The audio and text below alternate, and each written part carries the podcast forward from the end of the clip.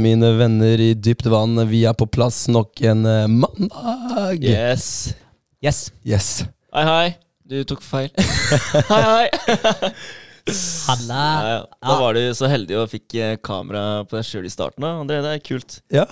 Da, da er det her eh, en ny setup. Eh, det her er Det er tre kameraer, og vi har en, eh, en fyr på kameramiksing i dag som heter Henrik eh, Berger. Jeg skal prøve så godt jeg kan, men jeg merker det kommer til å bli litt sånn eh, krøll til å begynne med. Men vi, posta jo en post på en Facebook-gruppe. De mente at det var null stress å sitte og styre det her mens man prata, så vi får se, da. Det her, det her blir en, en litt ny episode, litt ny, ny greie. Um, men uh, hva, hva, hva føler du når du sitter og ser på monitoren bak meg nå? Nei, Jeg prøver ikke å se så mye på det, så prøver jeg heller bare å tenke på det jeg skal gjøre, og, men samtidig da, prøve å få litt automatikk i det, da, for det er jo, jeg skal jo tenke på det jeg skal si jo. Uh, men det løser seg, tror jeg. Så Ja, ja. mye setupen her nå, det er jo tre kameraer, da. Og ikke noe autoswitching. Nei. Det er manuell switching. Det er du som er uh, autoswitcheren her. Det er det. Ja. Men det er kult, da. Det kommer sikkert til å ta litt tid for deg å sette deg inn i det, men uh, herregud. Det, jeg tror det løser seg fint. Det tror jeg. Det løser seg, det er jeg helt Ja. sikker på. Og så det blir litt mindre gestikulering for meg, da. Så det får vi bare, det får bare tåle. Ja, det her, eh, eh, jeg begynte, nå begynte jeg sa i stad at jeg ikke kom til å tenke på at jeg har et kamera foran meg. eh, og det gjør jeg ikke, men jeg tenker litt på, på deg. Jeg tenker på at du skal følge med, med fingrene dine eh, når vi plutselig begynner å, å snakke litt brått, kanskje. At vi kommer inn i samtalen. Altså Hvis du si, snakker noe, eller Ja. sier noe, og så kommer vi inn og bare bryter av, eller et eller annet sånt, så går det, og da må, du, da må du være på, på en måte. Ja, men jeg tenker at det, det, kommer inn i fingrene etter hvert, tenker jeg. Så får man bare venne seg litt til det. Og hvis noen kommer med sånne små innspill, så blir de ignorert. Ja, for det, det er jo egentlig greia mi. Det, det er det. Så jeg kommer til å bli ignorert hele veien der. Jeg har alltid sånne små innspill, og så holder jeg kjeft etterpå. Det er greia til Vegard. Han er eh, eksperten på sånn stikk. Mm. Ja, men det er kult. Men eh, jeg tenker også at det kommer til å gå bra når du har fått navngitt fingrene dine Vegard, eh, André og Henrik. Yes, sir. Mm. Det ordner seg. det ordner seg. Og da må du bare bruke litt flere ord, Vegard. Ja. Jeg tenker at det er, eh, det er løsningen. Det løser seg. Det er jo litt mer å jobbe med, da. Så det, jeg får jobbe med meg sjøl der òg. Ja. Jeg tenker at det, det er jo bare en god greie. Det er det jo. Det er bra. Men, Yes. men omsider da, så fikk vi opp de greiene her. Vi har faktisk, eh, som vi har nevnt et par ganger, så har vi holdt på å strule med det her nå. da. Ja. Ideelt sett så skulle vi hatt en autoswitch, men eh, så langt har vi ikke kommet. Så da, da det, det får bli neste steg et eller annet steg i løypa. Ja. Tester det her først, men nå har vi i hvert fall tre kameraer. da. Det er Ja. veldig sant. Og nå har vi, vi har jo på en måte ingen unnskyldning heller, fordi eh, som eh, sagt så har både jeg og Henrik eh, lagt inn et eh, innlegg i norske podkaster eh, på Facebook, som har Hvor mange brukere, eller medlemmer var det? Sånn 1300-1400? Jeg husker ikke. Ja, med den. Ja, og, og vi fikk beskjed om at det her burde vi klare å få til eh, uten noe sånn autoswitch-setup, når vi har såpass bra utstyr som vi har. Så det her blir eh, Det blir konge. Um, Eller så skal vi bare kjøre standard prosedyre. Peis på. Peis på pod 58. Eh, jeg starter med at dere det er fortsatt André som sitter her, selv om han høres uh, rar ut. Men nå ser man jo at det er meg også. Ja, det er ikke en gjest. det er ikke en gjest. Eh, jeg har dratt på meg en eller annen uh, liten eh, bagatell, eller oi, bagatell. Eh, i, eh, akkurat nå så sitter det nesten bare i stemmebåndet. Litt sliten, eh, ikke syk. Jeg vil ikke si at jeg er syk. Eh, men eh, forrige pod, faktisk jeg satt i den stolen her, klokka nærma seg halv ni, så begynte jeg å kjenne at jeg fikk litt vondt i halsen. Eh, og så, når jeg kom hjem, så begynte jeg å fryse. Så jeg lå hele natta med, med ull fra topp til tå. Jeg måtte til og med ta prinsessesokkene til Kristin på tærne. ja. Uten dem så hadde jeg nok ikke overlevd den natta. Da tror jeg ikke jeg hadde sittet her i dag. Det var, det var, eh, det var vondt. Jeg fikk skikkelig sånn der eh, Hva heter det? Sånn pjuskhetsymptomer. Uh, Manflu. Yes. Manflu, ja. Så det var litt feber og, og greier. så Men eh, nok om det. Jeg testa meg, for jeg hadde vært i barnebursdag med gamle mennesker og unge mennesker. Så av honnør eh, til de, så tok jeg en eh, kjapp tur opp på drop-in. Det er ikke noe stress det nå i dag. Det går fort. Det er ikke så mange som står i kø. Og det var ikke noe rona å tenke på. Jeg var vaksinert, og så det, jeg hadde ikke trodd at det skulle være noe sånt noe. Men eh, stemmen blir brukt mye i hverdagen, da. På pod og på gruppetimer, PT-timer. Altså, jeg snakker eh, ganske mye i løpet av en dag, som Mm. veldig mange andre. eh, og kanskje med litt høyere volum enn veldig mange andre innimellom. Eh, og da har stemmen fått kjørt seg. Så fredag så var det null. Eh, nå er jeg på altså 0 stemme. Er Ja. sånn, da er det hviskestemme. Så nå er det på kanskje sånn 70 stemme. Ja, ja, men det kommer seg, da. Det kommer seg. Ellers så har vi hatt en eh, bra uke på, på både nivå nøyd og bedre. Det er, eh, det er moro med, med bedre som er i gang, og det er moro med nøyd når jeg og Espen omsider har fått litt eh, swing på ting og uh, litt mer sparke hverandre i ræva. At det ikke bare går én vei. Mm. Eh, Så det er ålreit. Da, da har vi hatt møte med Simpleness på onsdag. Eh, kult. De er dritdyktige. Det er et mediebyrå fra Oslo. Fett. Eh, de hadde mm, mye bra innspill. Eh, og det som var litt kult, var at jeg møtte eh, han som driver eh, det. Medie, eller byråsjefen. Og mm, en av de konsulentene deres, eh, som heter Stine. Veldig hyggelig jente, det også. Og eh, på eh, en Google Hangout. Eh, og starta med å bare hilse på hverandre, og egentlig litt sånn uventa. Jeg hadde ikke tenkt at jeg måtte kjøre en pitch, men da måtte jeg pitche det eh, nøyd. Fordi, Ja, ok. for de ville bare Ja, kan ikke du bare kjøre pitchen din, da? Så jeg bare Ok, ja, men den hadde ikke jeg forberedt ennå, da. Men jeg, jeg føler egentlig at der, um, jeg eh, tok det ganske greit, og jeg er ganske komfortabel med det. Jeg fortalte har fortalt det ganske mange ganger. Og jeg sa bare ok, det kan jeg gjøre. men Jeg kan ta litt om meg sjøl først, for dere kjenner jo ikke meg. Og så tar jeg en kort eh, bit om, eh, om Nøyd.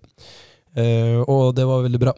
Nice. Eh, fikk jeg øvd inn det litt. Eh, og så snakka vi litt om hva de kan tilby på sikt, for det er nok det som er, eh, er greia hos de. De er en, mer en sånn scale-løsning scale-løsning eh, i forhold til å eh, ekspandere og Eller nå ut til enda flere. Du bør ha litt midler, du bør være litt opp og nikker. Mm. Eh, så de kommer med masse gode, gode forslag i hva, for hva vi kan gjøre nå i starten. Og i starten på Nøyd, uten å ha vært med på for mye samlinger av eh, Altså startup-samlinger og sånt nå, så har vi gått for eh, Most Valuable Product-metoden og prøvd oss litt fram. Og det sa de at eh, der dere bor, eh, i et eh, litt mindre sted, så er det en fin approach, men eh, gjerne også kjør på med litt uh, Kanskje uh, noe à la Smart Innovation. Eventuelt eh, crowdfunding. Eh, for det er en, eh, en populær greie nå. Det er mange som skaffer midler via crowdfunding. Mm. Um, så det er jo egentlig resultatet av den samtalen. At jeg fikk lov til å møte veldig ålreite mennesker. Uh, knyttet bånd til de, og har de i, um, i um, Altså ha dialog med de, da, kan spare litt med de. Og etter hvert kanskje bruke de òg, på en, en av de prosjektene som, uh, som uh, går. Mm. Uh, og uh, crowdfunding blir jo da på en måte en av de greiene som Espen skal ta tak i. Ja. Eh, og han skal undersøke og kanskje sette opp, eh, sette opp en plan for hvordan de skal, skal nå ut der. Og der er det mange kule, kule steder å hente litt informasjon. Du har en, eh, en eh, organisasjon for crowdfunding med alle disse plattformene. Du har jo mange, mange forskjellige plattformer du kan eh, ligge ute på for å hente inn penger. Du har um, uh, faen, nå står jeg stille på alle sammen, da. Men det er sånn Ja. 10-13 stykk i Norge, eller? Ja, det er såpass, Ja, ja. Forskjellige Men- portaler. Men åssen åssen fungerer det her? Altså, du har, da har du den plattformen hvor du skriver inn eh, om nøyd, ditten og datten. Har Ja. du lyst til å investere i den plattformen vår? Og så er det rett og slett en button som uh, det står 'investere nå', så kan folk spytte inn penger. Ja. Så jeg så, så på mm, Det har kommet opp i feeden min på Facebook i det siste et, en sånn ny, litt uh, fintech uh, gründerbank som heter Asta, Astat. Eh, som skal være en jævlig enkel bank å forholde seg til. App-basert eh, og eh, med regnskap i bank osv. Eh, de ligger ute på en plattform Mm. eh, der ute og har samla inn 1,3 millioner på ganske kort tid. Mm. Um, jeg skal bråfinne den uh, portalen, sånn at vi kan uh, se litt på det sammen. Crowd. Jeg bare husker uh, når vi var, vi var på en samling gjennom Smart Innovation for en liten stund tilbake. Og da sa han ene partneren at der, han, var- han var ikke så veldig fan av crowd, crowdfunding. da. Eh, Stemmer. for da, da mente han at der, du kan risikere å få utrolig mange telefoner fra, fra forskjellig. Men det er klart, når det er, hvis det er gjennom en plattform, da, så er det kanskje annerledes. Det vet jeg ikke. Men ja, eh, ja, ja, for da får du liksom et lite filter imellom. ja, Ja. Ja. At det kanskje er eh, at eh, ja, de tar kontakt med plattformen isteden. Det vet jeg ikke. Men eh, han, han var ikke så fan av det. For da kan du liksom risikere å få utrolig mange telefoner av noen som er bekymra, lurer på hvordan det går. ikke sant, ditten og datten. Og du må svare for deg for veldig mange, da, ja. i stedet for én investor. ja. Ja. Og du kan tenke hvis du får sånn 300 stykker som investerer i selskapet, da. Men, ja. men det er som du sier, hvis det er gjennom en plattform, så får du kanskje ja, det filter imellom. Kanskje slipper, eh, slipper litt av den biten. da. Kanskje. Her er den eh, organisasjonen, eh, eller foreningen, Norsk Crowdfundingforening. Der har du Dealflow, var det, det er det stedet jeg har vært og titta, hvor As, Folkinvest har jeg hørt om. Ja. Astat eh, var på. Songpark. Her ser du Songpark, et virtuelt studio og øvingslokale som lar musikere spille sammen på nett, som om de er i samme rom. Tjenesten er også et møteplass og arena for å treffe andre, enten det er det nye Radiohead, eller du har nettopp begynt å spille gitar. De har fått tre mill., og de har fire dager igjen før pengene blir utbetalt. Kult. Kan du se hvor mange som har eh, vært med og investert der nå, eller? Um, det kan man helt sikkert, hvis vi tar mer her da. For da kommer man inn. eh, selskapsverdi De er anslått til 26 millioner. Oi. Eh, det er ganske heftig. Mm. Minimum eh, 4800 per eh, aksje. Eh, Ja, nei, det sto ikke noe. Men eh, ja, bare sånn for å si noe annet om det, da, så sa jo han eh, partneren at eh, crowdfunding det har kommet for å bli. Ja. Det, er, det, er, eh, det er bra, liksom. Det er det. Det er bare at eh, du kan risikere litt hassle, da. Ja. ja, ja. det var det. De sa også at det er, det er en eh, jævlig populær måte å samle inn penger eh, på. Eh, men klart, du må jo skille deg ut der òg, da. Det er jo ikke bare å, å legge ut en eh, liten video og en presentasjon av deg sjøl. Du må ha en grundig gjennomgang av hvordan du skal tjene penger for de som investerer der også. På samme måte som dere må gjøre det for, eh, for de investorene dere skal pitche for, da. Ja.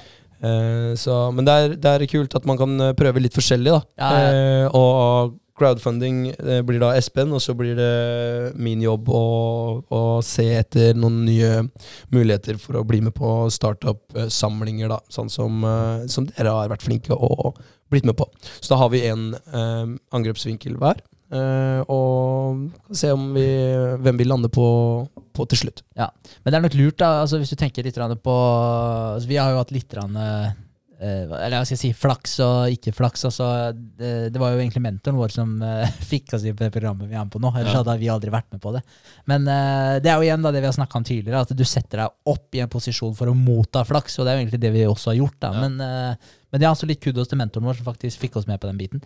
Uh, men det jeg tenkte på, det var jo i forhold til det med at det er lurt å dele kreftene litt. Altså, Så ikke man driver og overlapper hverandre på alt. Fordi til syvende og sist så må man jo ha forskjellige roller i et firma. Mm. Og da er det viktig at man begynner å ja, fordele arbeidsoppgaver og begynne å finne ut litt hvilken rolle man skal ha. da. Ja, ja. Mm. hva, hva er det man liker å gjøre, liksom? Det er jo, Ja. Jeg kan like å gjøre den ene tingen, og Henrik kan like å gjøre det andre. da. Ja. Så det er ikke noe vits å sitte sammen og jobbe, som du sier. da. For det, det blir eh, det er sløsing av tid, da.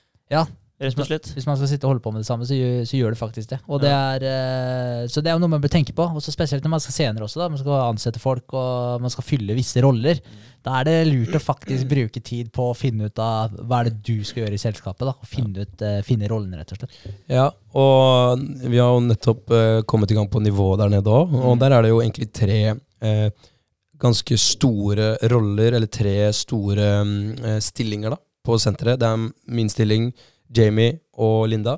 Og vi har ganske, eh, ganske overlappende roller. Og vi har definert noe, men ikke alt er på plass. Man må finne ut av hva man liker best, og hva man har mest eh, eh, energi i å gjøre. Holdt jeg på å si. Man, det man eh, ja, ikke går på veggen av å holde på med, da, som vi snakka om før podkasten i stad. det- å bli utbrent, det er et resultat av at du holder på med noe du ikke er gira på å holde på med. Ja, Eh, eh, Noe du ikke brenner for, da, vil jeg si. Noe du ikke har lidenskap for. nei, fordi da slokker brann- brannen, ikke sant? Ja. Da blir du utbrent. Ja. Ja. Så du kan, sikkert, du kan sikkert like Jeg tror folk liker det de holder på med, men det er forskjell på å like og ha lidenskap for det du driver med. Yes. Det er to forskjellige ting. Det er veldig sant. Ja, og der har vi eh, Altså, det er en uh, ongoing process, og men det er veldig morsomt, og fordi uh, du, når du får de spørsmåla der, da, så øh, og du- kan velge øh, For da får vi spørsmål, eller vi spør hverandre hva er det du har lyst Hvilket, øh, øh, hvilket Hvilken del av firmaet er det du har lyst til å ha eierskap til? Eh, og så kan alle hjelpe til på alle fronter, men noen må sitte og liksom Det her eier jeg. Eh, er det noen spørsmål rundt det, så er det eh, du som kommer til å stille Eller bli stilt de spørsmåla. Og så kan alle hjelpe til, men man må ha litt eierskap. Eh, og sånn som nå, så har vi, har vi begynt å finne litt ut av det. Og så Vi skal ha en smoothiebar som kommer opp og går etter hvert. Den er sånn halvveis nå. Vi har dagens smoothie innimellom. Men eh, vi skal ha grand opening når, eh, når uh, møbler og sånt er på plass. Så i dag så har vi, har vi jobba med det, da. Og da har jeg tatt eierskap til det sammen med, sammen med en kollega. da. Og, og det er litt morsomt, for da må man sette opp eh, budsjetter for den avdelinga. Man må ha en liten forretningsmodell, Mm. for det blir jo en egen greie. For det er ikke moms på, på trening og helse. Eh, men det er det jo på varer, mat og sånt noe. Så det kan hende vi må skille ut det her som et eget lite foretak eh, ved siden av. da. Ja? Eh, for å få, få igjen moms på, på det. Eller så må regnskapsførerne hjelpe oss å definere at det er den delen av bedriften er moms, eh, momspliktig, og derfor så kan hele nivået være momspliktig. Ja. Så det er, det er kult å kunne være med på det, og da, det får jo også meg litt til å, å tenke på det i forhold til meg og min partner på en øy, da. Jeg og Espen.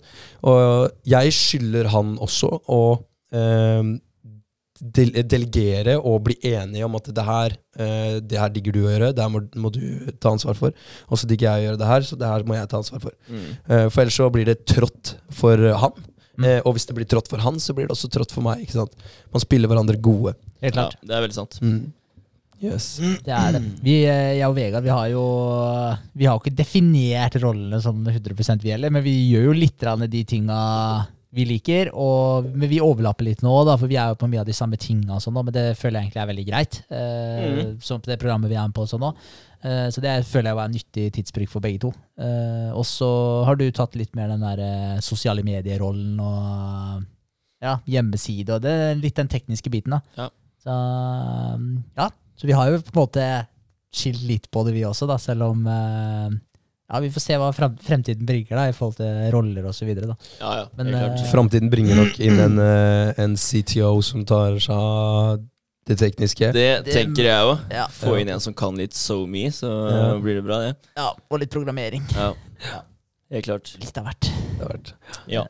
Er det uka mi? Ja, nå kan egentlig du eh, ta over den eh, berømte stafettpinnen. Jo, jeg kan også si det at det å ikke ha, ha stemme, det byr på litt utfordringer. Altså. Ja. Det, er, eh, det er stress, spesielt når du har bikkje. Ja. For når du skal kalle inn den hunden Mm. Kom! Hei! nå det! Nå det! Det blir sånn, har, dere, har dere noen gang hatt en drøm hvor dere, eller et mareritt da, hvor du prøver å rope alt du kan, Ja, og du får ikke ut en dritt? ut, ja. Det er forferdelig. Det er helt jævlig. Og sånn har jeg egentlig hatt det da på øh, store deler av uh, fredag og lørdag. Fredag var vi hos et vennepar og spiste øh, middag, og jeg hadde ikke stemme. Så hver setning, da Og jeg er jo glad i å prate, sånn som mange andre, og, og vi er, da. Og hver setning var en kamp da for å få ut. Det ble sånn ah, Du må stramme magemusklene for å klare å formulere en setning. Så jeg ble så sliten, så vi endte jo kvelden klokka halv ti eller noe sånt. nå. Æsj. Ja, det er drøyt. Ja, det er det er drøyt. Man blir sjukt handikappa av å ikke ha stemme. Man gjør det. Ja. Det er noe man ikke tenker så mye på. Men det er som alt. da altså, Når du er, går og er frisk og rask, så du setter faen ikke nok pris på det. Nei, nei. hver gang så, så får du en eller annen sånn der irriterende skade, eller stemmen ikke funker, og så sier du bare åh, når jeg blir bra nå, skal jeg begynne å sette mer pris på at jeg faktisk er bra. Så går det to dager, så har du glemt alt. ja. Det er veldig sant. Det er veldig sant. ja, nå Eh, går den men- stafettpinnen over til Ja, deg. det må sies at du har åpna en ny Instagram-konto. Ja. det Ja. måtte jeg bare nevne. Det, Ja, ja, det okay. var veldig fint. Ok, Jeg hadde ikke Ja. tenkt til å skryte så mye av det. Er det deg eller Kristin? Nei, det er faktisk meg. Altså. Ja. Ja. Jeg, jeg, jeg vet ikke om jeg snakka jeg med dere om det litt for litt siden. Nei. Jo, jeg, jeg tror jeg kanskje har snakka med dere om akkurat den der, eh, markedsføringsbiten på Instagram. Så det, den eh, biten dere har gjort tidligere, må eh, reache ut til eh, folk og, og spørre om de vil være ambassadører. Ja. Det er en, det er en jævlig bra eh, strategi, egentlig. Hvis du skal drive, Spesielt hvis du skal drive noe nettbutikk eller noe sånt. Noe. For det gjør jo alle disse eh, shoppene fra Shopify for eh, eh, hunder, da. Det er jo det som eh, det, som det går i. Så jeg ble jo reacha ut da, av en eller annen eh, luring fra statene som bare ah, 'Vi ser at du har en hund, og den var dritkul, og den er perfekt å være ambassadør for oss', og sånt. Og jeg bare 'Hæ? Min hund? Seriøst?' Jævlig bra. Ja, så, men, men jeg var uh, veldig bevisst på det. da Så bare, ja, det er, det er akkurat sånn her de hestejentene som Vegard og, og Berger har følt det. Så det er jo en dritbra strategi, egentlig. Ja. Man, man føler seg Og det er litt sånn som uh, står i den boka um, uh, Seven Habits, egentlig, da. Om at folk sitt største behov eh, Altså nesten, nesten større enn å ha behov for mann, uh, eh, mann Vann, mat og tak over hodet. Eneste André trenger, det er en mann. Jeg trenger en mann. Uh, Men eh, det er å bli satt pris på. Ja. ja, bare, ja. Den hanger litt. Vil du være min mann, Vegard? Jeg kan være mannen din. Nei, men å bli, ja. bli satt pris på, da, eller, eller føle seg viktig. Ja. Og det, det er jo det du gjør, da. Du spiller på, på den uh, trangen til mennesker. Mm. Eh, og så har jeg egentlig tenkt på lenge, da. At dere, faen, Noddy han er en kul type. Uh, han fortjener en konto. Så hater jeg egentlig alle andre hundekontoer der ute. Ja, jeg skulle til å si det. For jeg er ikke så veldig fan av hundekontoer. Jeg syns det blir litt mye. Det blir jævlig Ja. mye. Ikke Men- men. Men eh, så jeg tenkte jeg, vet du hva, han skal få en konto der han skal dele litt visdomsord. Eh, eh, ikke i et hundeperspektiv, men generelle visdomsord. Ja. Eh, og litt fine eh, bilder av han, da. eh, som kan komme til nytte for eh, alle, da. Ikke bare hundeeiere.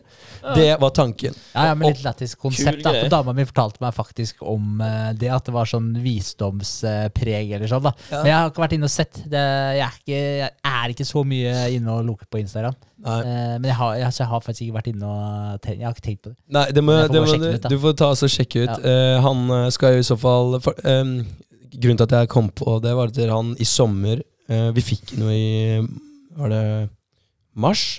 Mai, juni, juli. Ikke sant? På sommeren der så sitter han ute på Vi har jo en ganske grei utsikt utover byen. Og han, han satt som Vi har tre sånne små tuahekker uh, ved siden av et sånt glassrekkverk. Mm. Så han satt som den fjerde tuahekken Eh, uh, og bare speida utover byen. Så vi er jo Kristin kødda alltid med at faen, han filosoferer hele tiden. da For han sitter jo der ute og bare speider, liksom. Hva er det han tenker på? Og derfor så har jeg alltid liksom, Ja, faen, han skulle hatt en sånn eh, visdomsord, dagens visdomsord eller noe sånt på Instagram. Det hadde vært kult. Så da ble The Way of Noddy skapt nå, da. Ja. Eh, og vi er eh, ambassadører for eh, Jeg tror det er sånn tre eh, petshop-nettsider nå. Så vi får gratis ting da fra de. ja, dere gjør det, ja. Ja, Ja, serr. Ja, så- det er jo kult. Så det er kult. Kanskje det er det som eh, kommer til å slå an. Kanskje det, Ja. eh, kanskje det blir nye Marshall eh, til Joe Rogan. Han har vel sånn eh, flere millioner eh, følgere på Ja, Instagram. det har han faktisk. Bikkja til Joe Rogan. Det er sjukt. Det er sjukt. Ja, ok, nå, nok om meg. Da er det deg, Vegard.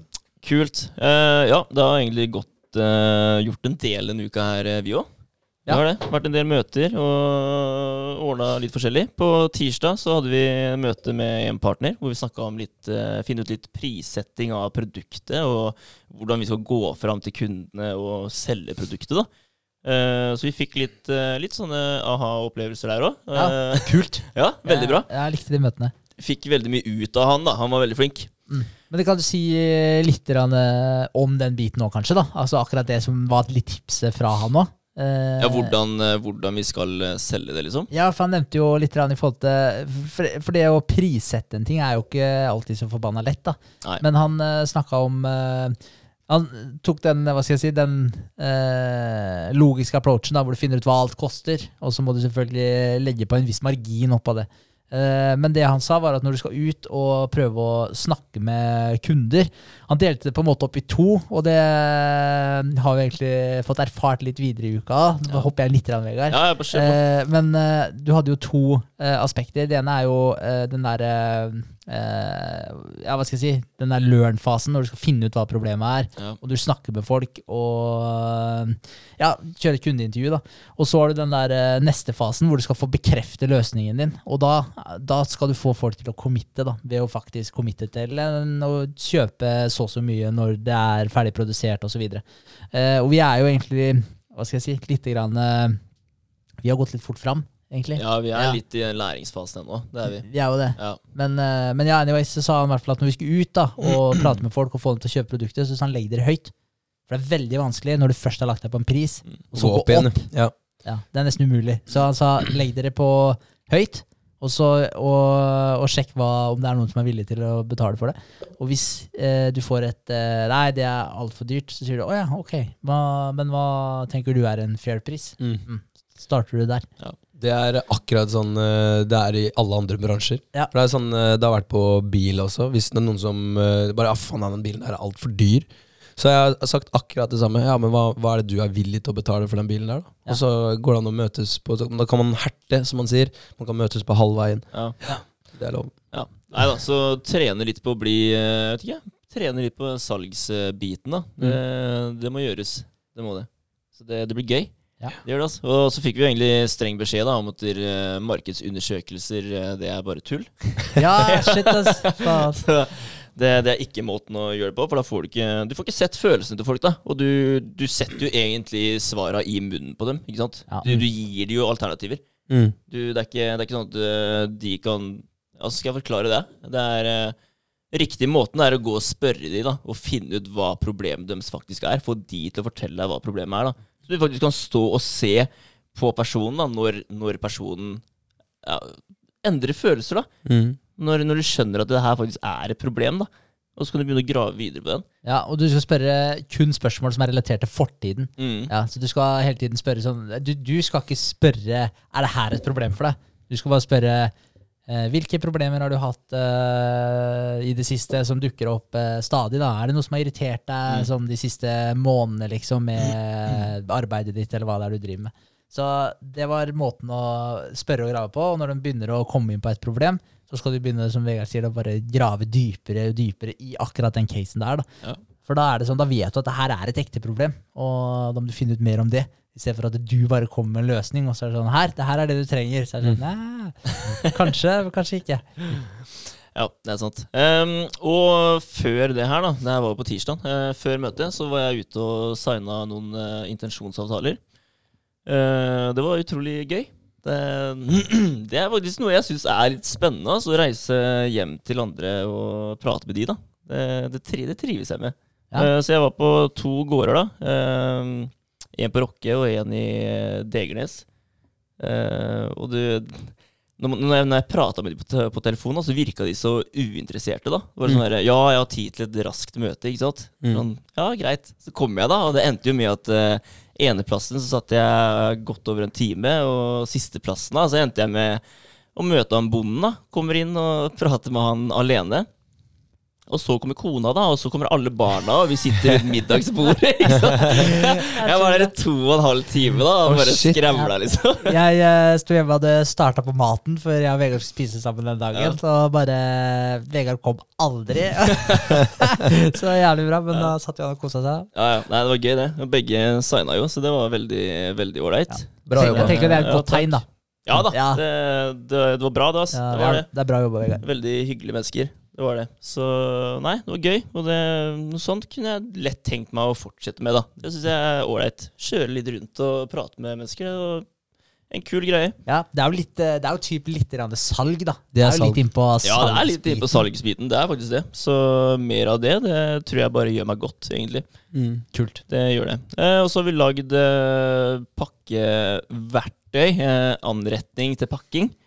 Eh, litt litt uh, morsom story, egentlig. Jeg skal ikke dra den helt ut. Men uh, vi starta hos en eh, blikkenslager som lagde verktøy til oss. Vi har vært hos han før, og han har hjulpet oss uh, veldig mye. Lagd mye bra til oss, da. Men det går i plåt. Mm. Ikke sant? Og det, jeg så liksom, jeg har liksom hele tiden skapt meg et bilde i hodet om hvordan jeg vil at det her skal se ut. da. Og det, det er jern. Ikke Mm. sant? Så kommer det plåt, da, og det hadde selvfølgelig fungert bra. Det hadde det, men eh, det er veldig viktig at ting er stivt og skarpt da, når det skal bli kjørt gjennom de firkantballene. For det er det som er tanken med det verktøyet her. da. Å kunne knyte hyssing i enden for å kjøre dem igjennom eh, firkantballen og få tak i de på andre siden, da, rett og slett.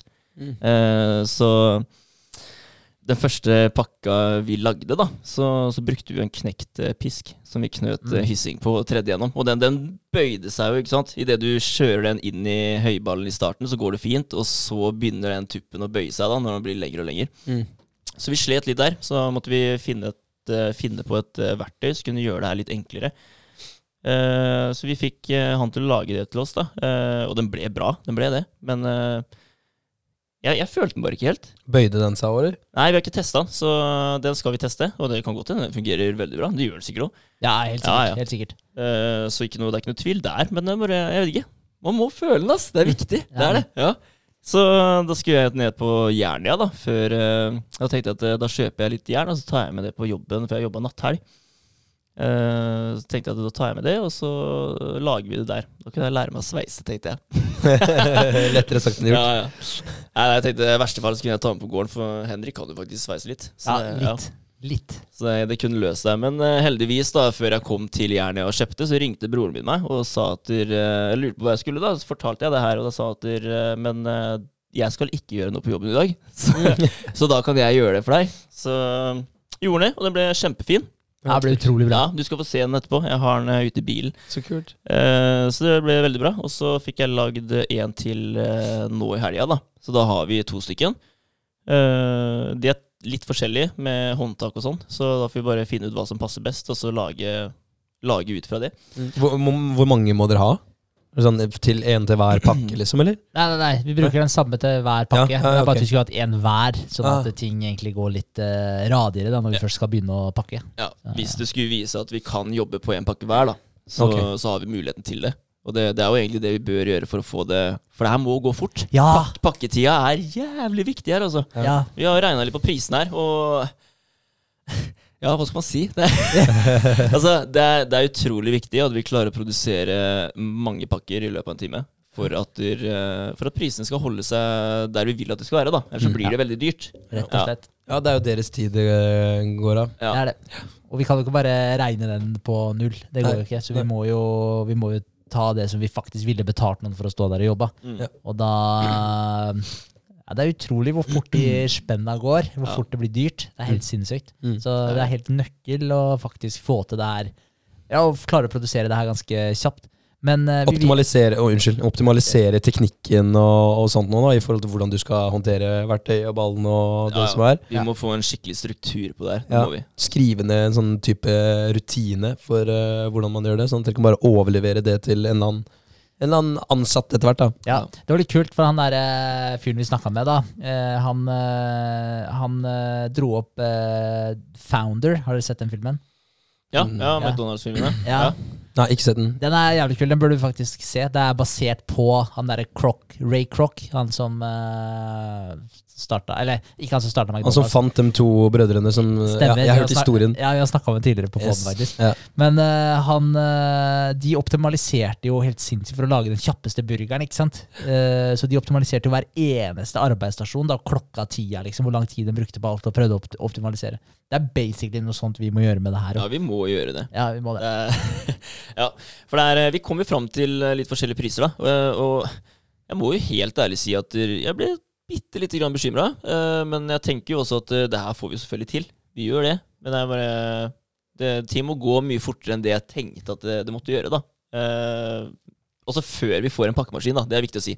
Ja, Ja. mens vi pakker manuelt. Mm. Ja, og vi kan hele tiden oppgradere oss der òg. Nå står vi med verktøy med to eh, jern som skal stikke ned i eh, høyballen. Altså, Det er jo etter- helmanuelt. ja, Ja. etter hvert så kan vi liksom få til et eller annet som blir litt sånn eh, ja, altså, halvmanuelt, er det det man kaller det? Halvautomatisk. Halvautomatisk, Ja. ja. Så ja, det, det kan bare bli bedre. Men, eh, men det er et godt poeng, og jeg tenker litt i forhold til For det er også en litt vanskelig greie, da. For da er det Ok, vi vet at hvis vi har en maskin som pakker de greiene der for oss, så kan vi få ut så og så mange pakker i ja, typ i minutter, ikke sant. Ja. Uh, mens hvis vi pakker det manuelt, så bruker vi så og så lang tid, da. Så er jo spørsmålet hvor er det vi kan legge oss? Det er jo noe vi må finne ut. da. Er det sånn, Skal vi legge oss uh, For vi må jo prøve egentlig å satse på at vi går i null, i hvert fall. da, Ja. Når vi pakker det manuelt. Og så er det uh, alle forbedringer etter det. Det er en, det er en positiv greie. Ja. Eh, tenker jo jeg. Men hvis det blir altfor dyrt, er det sånn ok, skal man legge seg på så man vet at man går i underskudd en periode fram til man har fått en pakkemaskin, og da kommer marginene til å komme som helsike?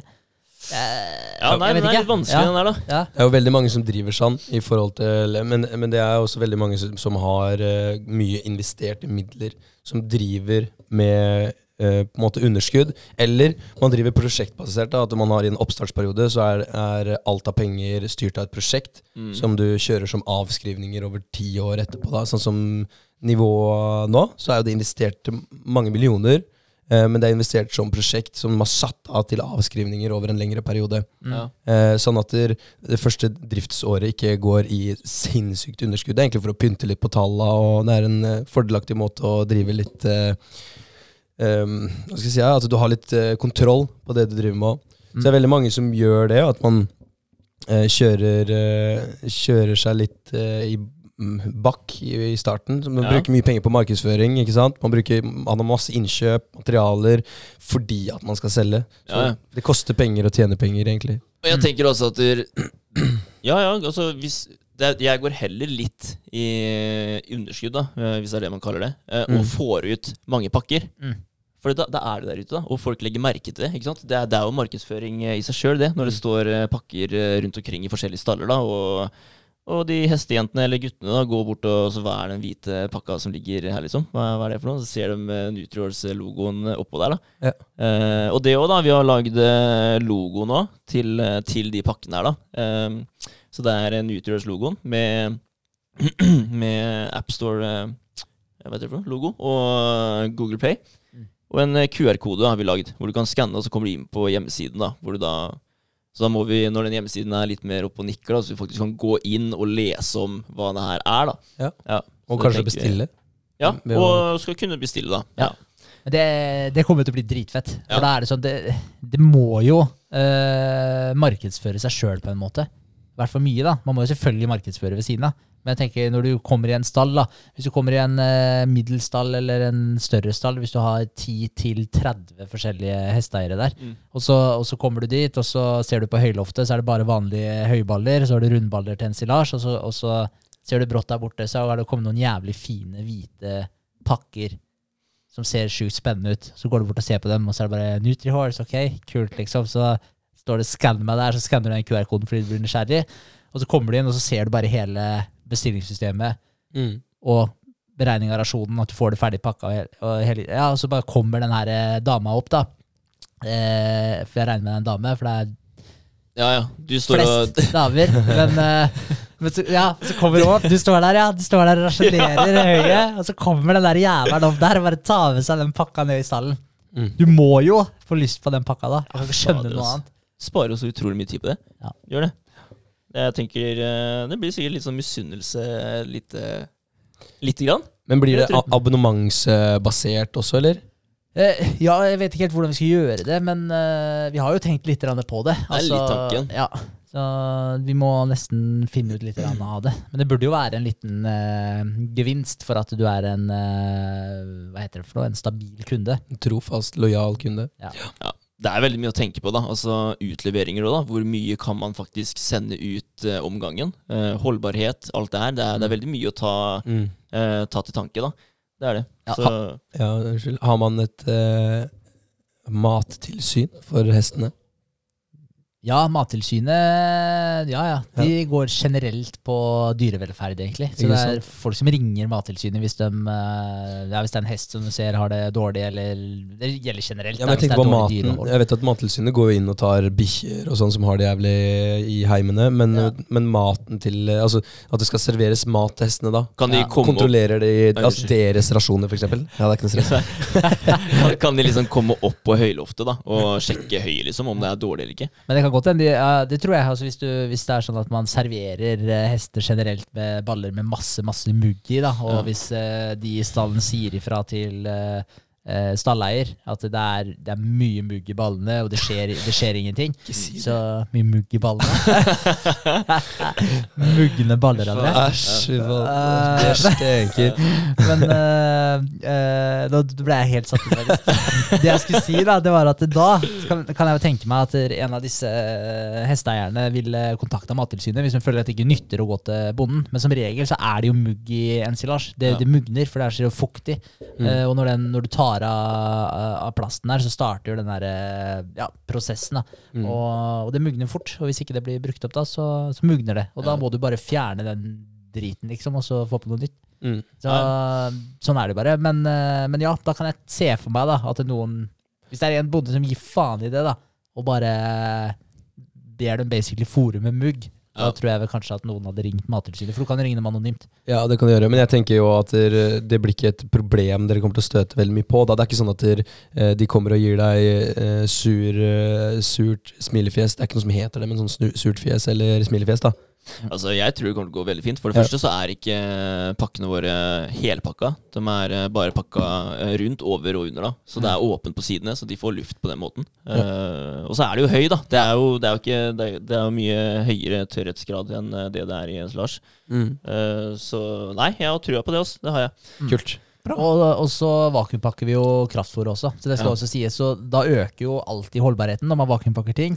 Men spørsmålet er jo, eh, kraftfôr har en holdbarhet på tre måneder, så spørsmålet er jo ok, når du vakuumpakker det her, hvor mye lenger holder det? Ja. Og det bør jo vi også finne et svar på, da, sånn at der, når du skal bestille fôr til hesten din, André, så vet du nøyaktig hvor mange måneder du kan bestille for uten at kraftfôret blir dårlig. Ja. Ja, ikke sant. Et sånt best før-stempel. Mm. Mm. Ja, det burde man jo ha, da. Helt klart. Eh, yes. Um, hva annet er det som har skjedd, da? Vi har jobba litt overtid uh, denne uka her. Uh, som jeg har sagt dere før, så er jeg nødt til å begynne å jobbe litt overtid for, å, for at ting skal gå rundt hos Casa Vegard. ja. Eh, så det blir det. Det blir en liten tur på jobb i morgen tidlig òg, faktisk. Det gjør det. Jeg ble ringt i stad, og da klarte jeg ikke å si nei. Da tenkte jeg bare penger. Fader, altså. Jeg får jo en eh, regning på bilen på mellom 10 000 til 15 000 nå, for jeg skal ha service og EU-kontroll. Så det er jo svindyrt, ikke sant. Så det er eh, absolutt noe jeg ikke trenger, egentlig. Men, Men, eh, eh, har ikke du nettopp hatt sånn garanti-utskjeggskontroll på det? Hva er det som er gærent med det? nei, det er, eh, det er Jeg må bytte reg register. Å, det Ja. er storservice. Ja, ja. Og jeg bare, Men den har bare gått 50 000, i, Og så ja, men det hadde ikke noe å si, da. Fordi Det det, var år. fem år. Eller, Ja. ja. Og det var visst enda verre, da. For da, da blir den morken, da. I stedet for eh, Ja. Hadde den blitt kjørt veldig mye, så hadde det vært bedre, da. For den er konstant varm og Mm. ja. Litt mer behandling, egentlig. Ja. ja. Hvis den ryker, bare går, går det til helvete med motoren, eller? Ja. Mm. Da, da kaller man det et motorras, er det ikke det man gjør? da? Nei, Da ikke er det havari, da. Ja. Så det, det er ikke bra, nei. Nei. Nei. Nei. Så bytt den, Vegard. Ja. Men eh, det kan jo hende at du kan bytte den et annet sted enn på det verste, da. Ja, men jeg har ringt litt rundt, ass. Jeg har det. Og jeg har ringt eh, altså, til, eh, til uh, Peugeot, da. Uh, som uh, jeg har hatt bilen hos. Og så har jeg snakka med NAF. men de er jo generelt litt dyre, da, for de skal jo være bra. ikke sant? Mm. NAF skal være egentlig best. Eh, så jeg ringte noen andre verksteder, men eh, de ville ikke ta den. Og så hørte jo du også, Henrik, med en mekaniker, og han hadde heller ikke lyst til å ta i det. Ja. Eh, så da tenker jeg at der, tenker jeg egentlig bare fuck it, ass. Da tar jeg det der, og så, da blir det bra, i hvert fall. Slipper jeg noe trøbbel i etterkant. Da har du deler reklamasjon og, Ja. og sånt, og reklamasjon på jobben og Nei, det er helt greit. Det Ja. koster, koster av bil. Det gjør det, ass. Nei, men jeg føler ikke at det er verdt det med den bilen der. det gjør jeg ikke.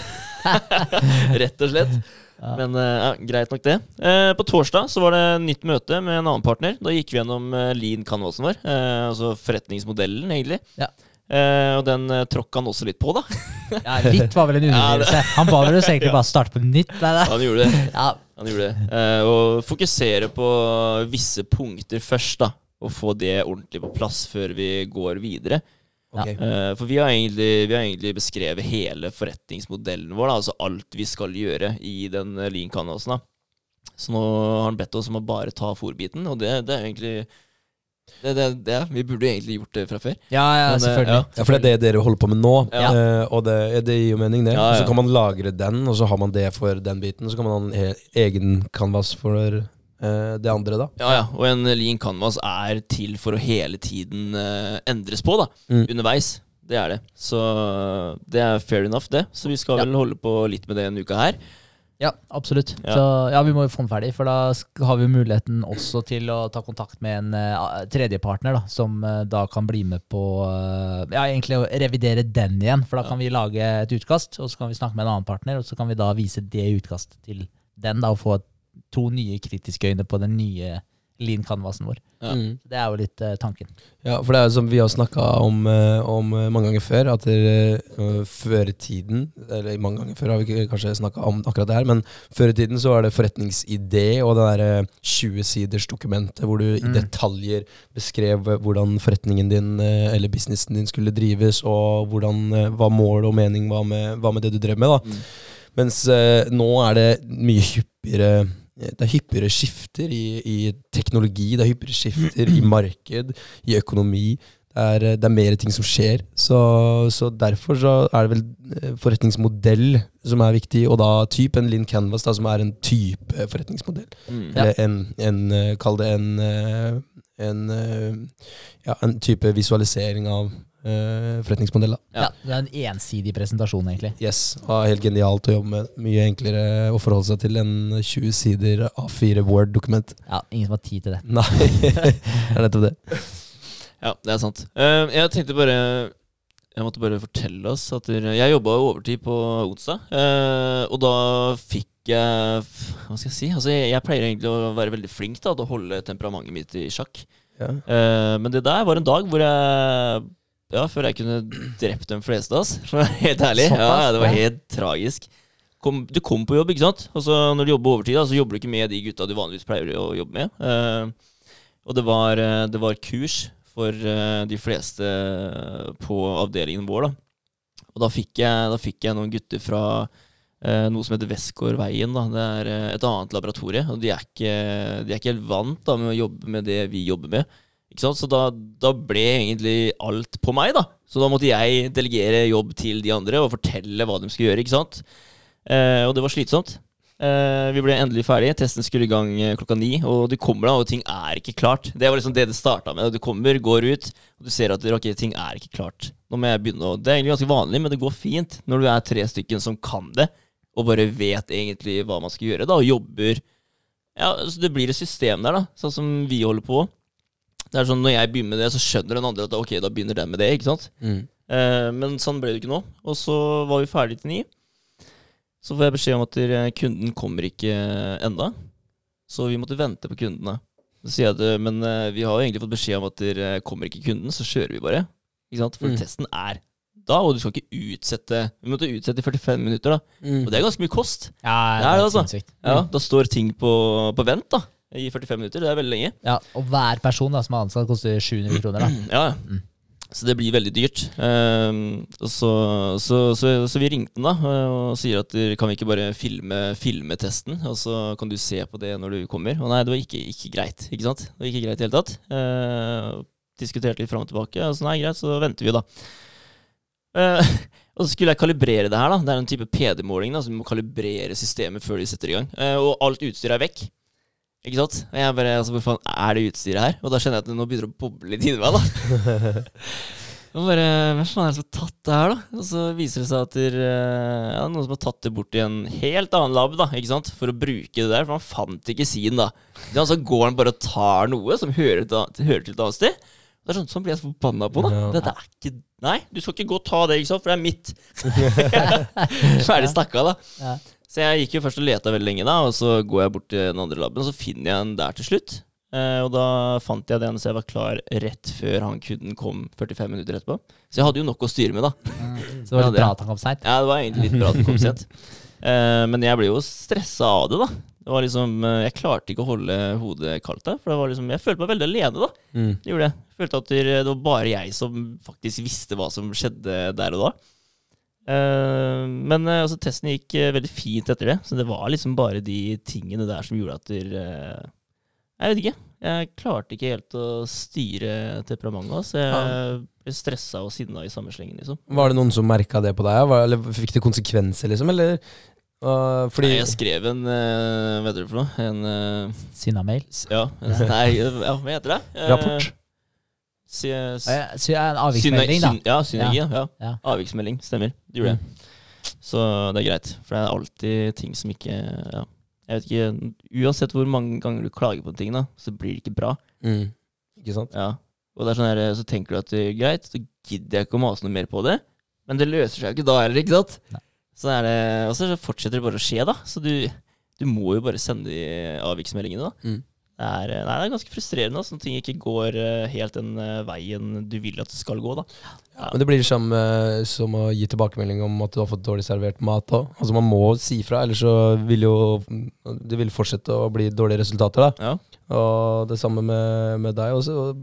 Vi har tatt opp det samme på treningssenteret nå òg. Og det er vi må ha eh, et, eller annen, et eller annet skjema og rapportere inn uønskede hendelser. Mm. Ja, hvis det er noen som skader seg, eller det er ting som man oppdager, eller kollegaer som eh, antaster andre kollegaer, eller hva det måtte være. Ja. Eh, ikke Er, er det mye av det, eller? Ja, ikke le. Ikke le. Det skjer. Nei da. Eh, men eh, ja, man må jo rapportere ting. Ja, ja, man må det. Det er bare sånn livet er. Dessverre. Det er det. Skulle ønske at vi slapp. Ja, men det er noe med det i forhold til det og, altså Det er jo Når man jobber for en svær megabedrift, da, som Ja. egentlig Nexans er, da, så, er det jo, så har det jo mye å si eh, Altså De systemene de er ofte sinnssykt tungrodde. Eh, men eh, Det er en grunn til det. Ja, ja, men altså det er liksom Ja, fordi altså, du, får så, du får så mange ledd. Mm. Det blir så, det blir så høyt opp til, Det er til toppen av paraplyen. ja. Ja. Og, det, og det, er, eh, det er jo mange ulemper med det, men eh, det er jo en av de hva skal jeg si, bivirkningene av en eh, enorm organisasjon. Ja. Eh, og det er jo vanskelig å holde det nede òg, men eh, da, da er det liksom enten kan man bli offer for det, for det systemet, eller så kan man bare prøve å finne ut okay, hvordan det her systemet fungerer, og så bare gjøre det beste ut av det. Men Mm. det er vel tragisk når man sier ifra om noe x antall ganger, og så får man ikke noe gehør på det. Det skjer ingenting. Nei. Da mister man jo tiltro til hele systemet. Mm. Og, det, og gidder man ikke å rapportere ting til slutt, og da ja, det er det ingen som tjener på det. da. Nei, det er veldig sant. Det er veldig sant. Uh, yes, uh, jeg jobba natthelg uh, den helga her. Uh, utrolig tung helg, ass. Det var det. Uh, det føler jeg er litt mye syting på meg. Unnskyld for det. Altså, jeg, Det er bare ja, syte. Det er bare syte. Det er lov, det òg. men eh, nei, jeg vet ikke. Det, det er mørkt ute, og det er natthelg. Og ja, den var litt verre enn vanlig natthelg. Det var det. Og så hadde jeg litt uhell, faktisk, med fingeren min. Jeg var, Eh, jeg er sånn, hva skal jeg si, hele hånda mi er øm, selv om det ikke ser sånn ut. Så er det rart å trekke det til seg, da. ok. Ja. Gjort for deg? Nei, eh, vi, vi har sånne hånddreiere da, når vi dreier kabelen. Eh, så du må montere på den her. Det ser egentlig ut som en drill med en svær sånn sirkel på, som du dytter på kabelen. da. Ok. Og så går den der greia rundt og skreller kabelen. da. Skreller Ah. av ytre halvleder. Eh, og når du er ferdig med den her, da, så skal du alltid ta ut stikkontakta, ikke sant? for den her går fort rundt og er sterk. Mm. Og det gjør man alltid. Men jeg gjorde ikke det den gangen her. Nei. Jeg var trett og surra, og du gjør de tinga her hver eneste dag, da. Det blir en vane, ikke sant? Mm. Så til slutt så må det bare skje et eller annet. Mm. Uh, så jeg tok av den her, da, la den på bakken. Og idet jeg la den på bakken, så klarte jeg å komme bort til Power, liksom. Ja, power, da. Så hadde jeg fingeren inn imellom. Ah. Ja, Sånn bare flekka hele hånda mi rundt. Og så snurra rundt, liksom. Var helt sinnssykt. Og jeg bare jeg måtte liksom late som at det ikke gjorde så vondt. da For han sto der, han andre òg, og så der. Og jeg bare Nei, det går bra, ikke sant. Og så bare kjente jeg bare at jeg ble våt i hansken og bare faen, vær så snill, ikke, ikke la det være så ille, da. Det var ikke så ille, da, heldigvis, men eh, det kunne gått mye verre. Shit. Eh, For det er en skarp kniv på den greia her òg, så den kunne jo faktisk gjort veldig mye, ja, ikke Ja. gjort veldig mye skade. Så du, du får en sånn herre Ja, ok, greit, neste gang så drar du ut stikkontakten igjen, liksom. Det er, Ja. Men eh, det er skummelt når ting blir en vane. Ja, sketchy. Ja, vi går med, Det tenker jeg egentlig ganske mye på. Så vi går med bajonetter hver dag og skjærer, kutter kabel, kutter kabel. Kutter. Så plutselig så sitter den i kneet ditt, liksom. Off. Da er det gjort, ass. Mm. Ja. Så det er, det er veldig fort gjort at ting skjer, da. Det er det. Når du gjør det 100 000 ganger. Ja, ja. Ja. Det er det. Ja, nei, det var uka mi. Ja, ja. Men Det var det. eh, ja, litt, eh, litt tung. Litt men om. også en del uh, Action. action ja. Ja. Og så fikk jeg ikke blitt med på møtet i dag, da, for jeg sov. Ja, Ja. rett og slett. Ja, ja, men uh, det er helt, uh, helt fair. Mm. Eh, ja, jeg har jo vært på eh, de samme møtene som Vegard. Du nevnte jo mye av den prissettinga, men uh, han andre karen, med tanke på Ja, Linn Canvassen, du var jo inne på det nå. Uh, så det er jo de to møtene der vi har hatt. Ellers hadde vi jo den samlinga som var på mandag. Ja. så hadde vi et nytt uh, ny samling på fredag. Yes. Uh, og så var det dagens samling da, i dag på det scale-up-programmet. Og det har vært uh, bra. Det er, uh, det er en del nyttig der. Jeg sitter jo igjen med en følelse nå da, at jeg kan gjøre enda mer. Mm. Eh, så den milepælsplanen vi har, da, den er eh, Camera is too hot. too hot. Det kommer det, altså. Ja. Men mm. ok, men da er det eh, I forhold til den milepælsplanen vi har, da, så er den litt for eh, slack, kanskje.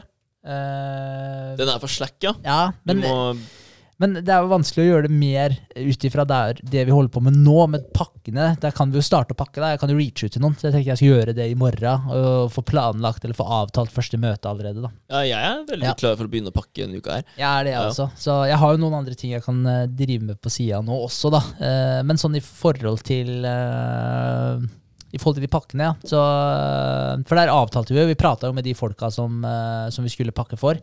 Eh, og da sa jeg jo to uker fram i tid. Ja. Ja, der. Det er egentlig neste uke, da? er det ikke? Eller? Nei, det er jo det er egentlig slutten av denne uka her. Ja, ok. Ja, for de første jeg snakka med.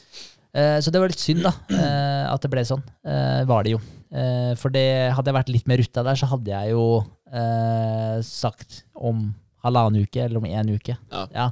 Så, men eh, vi får se. vi får se. Det, det kan hende vi finner en eh, Vi finner en løsning på det. Det det kan hende at noen kan litt tidligere også, så, så vi får se. Men der føler jeg at vi kunne gjort litt mer, da. Eh, Ja. Men i dag, på, på møtet vi hadde, på den fellessamlinga i dag, så hadde det mye med pitching å gjøre. Og det er litt kult, fordi det kom inn flere som hadde gjesteforedrag, eh, som var innom i dag og prata om eh, ja, pitching. Mm. Eh, og og så var det ei som var inne og snakka om softfunding. Det var også litt kult, for hun var ei vi kunne ta kontakt med. Eh, og få hjelp da, til å finne ut hvor vi burde søke softfunding igjen. Ja, det var hun han sendte navnet til, eller? På eh, Ja, husker jeg ikke navnet på den siden engang. Appen. Ja, det kan godt hende. Ja. Det vet jeg ikke. Jeg skrev opp her. eh, Jeg drev, tok noen notater. Tone het hun. Ja, Miravita. ja, stemmer. Ja. Ja. Så, så det var nice. Så da var det tre stykker innom. Det var en som var fra Simula Innovation. Eh, de driver og investerer. Ja. Eh, det er eid av Hva var det for noe? Et eller annet departement. Okay. Så det er, det er statlig eid, da. Men eh, jeg husker ikke hva det departementet eh, var. Men Kan du forklare softfunding? Ja, Ja, eh, det er at når eh, du får et tilskudd Det er ikke når noen investerer og tar en bit av selskapet ditt. Så du selger ikke noe av selskapet ditt, du bare får et tilskudd. Innovasjon Norge er typisk softfunding. Ja. Mm. Så eh, ja. Eh, det vi snakka om i stad, Folkeinvest og crowdfunding, Hard funding. det er hard funding, for den får faktisk en bit av selskapet ditt. Mm. Så det er eneste forskjellen. Ja. Eh, er det. Eh, men eh, nei, det, var, det var veldig interessant, fordi det de også snakka om, var i forhold til en selskapspresentasjon. Eller når du skal pitche, så skal du ikke Hvis du skal ha investorer, så skal du ikke ha en selskapspresentasjon. Du skal ha en investorpresentasjon.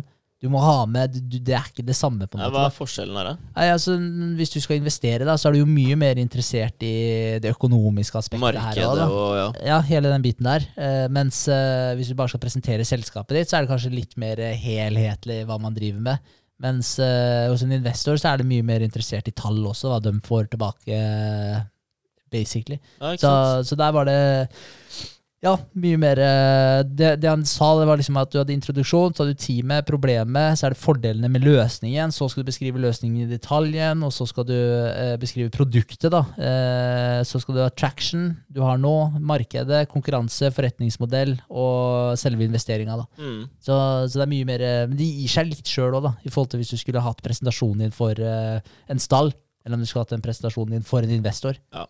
Det er jo to forskjellige Ja, presentasjoner. det er egentlig økonomi, og så er det brukeropplevelse er den andre, egentlig. da. Ja. Hva, hva får du ut av det som consumer? Ja, et eller annet. Så, så det, liksom, det holder ikke å bare bytte ut to uh, slides der. Det gjør det ikke. Så, men uh, det var uh, ja, interessant. Det er vel det jeg sitter igjen med. Absolutt. Ja. Så, så veldig kult. Det vi har gjort, det er jo Jeg har tatt et kurs som vi fikk av han ene fyren, han som hjalp oss med Lean eh, Canvasen, Ja. uh, han hadde et kurs i forhold til hvordan uh, utføre kundeintervjuer.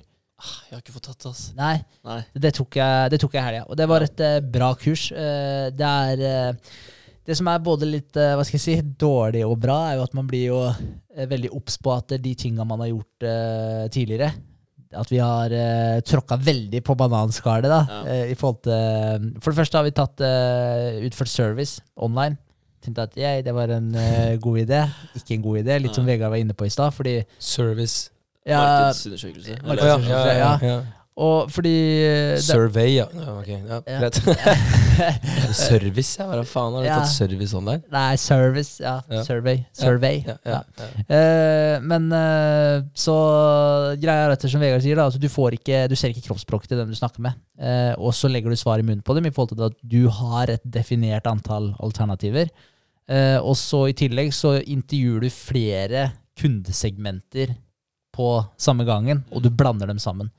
Så, så det er bare ikke heldig i det hele tatt. Eh, så sånn som man burde gjøre, det er å gå ut og prate med folk. Eh, eller eventuelt ringe, da, men helst prate med folk. Og så, som sagt, bare spørre historiske spørsmål tilbake i tid, om erfaringer osv. Og så eh, skal du finne ut, da, eller på Lean Canvasen din, hvis vi spoler litt tilbake igjen, på Lean Canvasen din, det første du skal gjøre, er jo å definere problemet osv. Og, og så må du finne ut hvilke segmenter du har, da, hvilke kunder er det som er mest sannsynlig at er din målgruppe.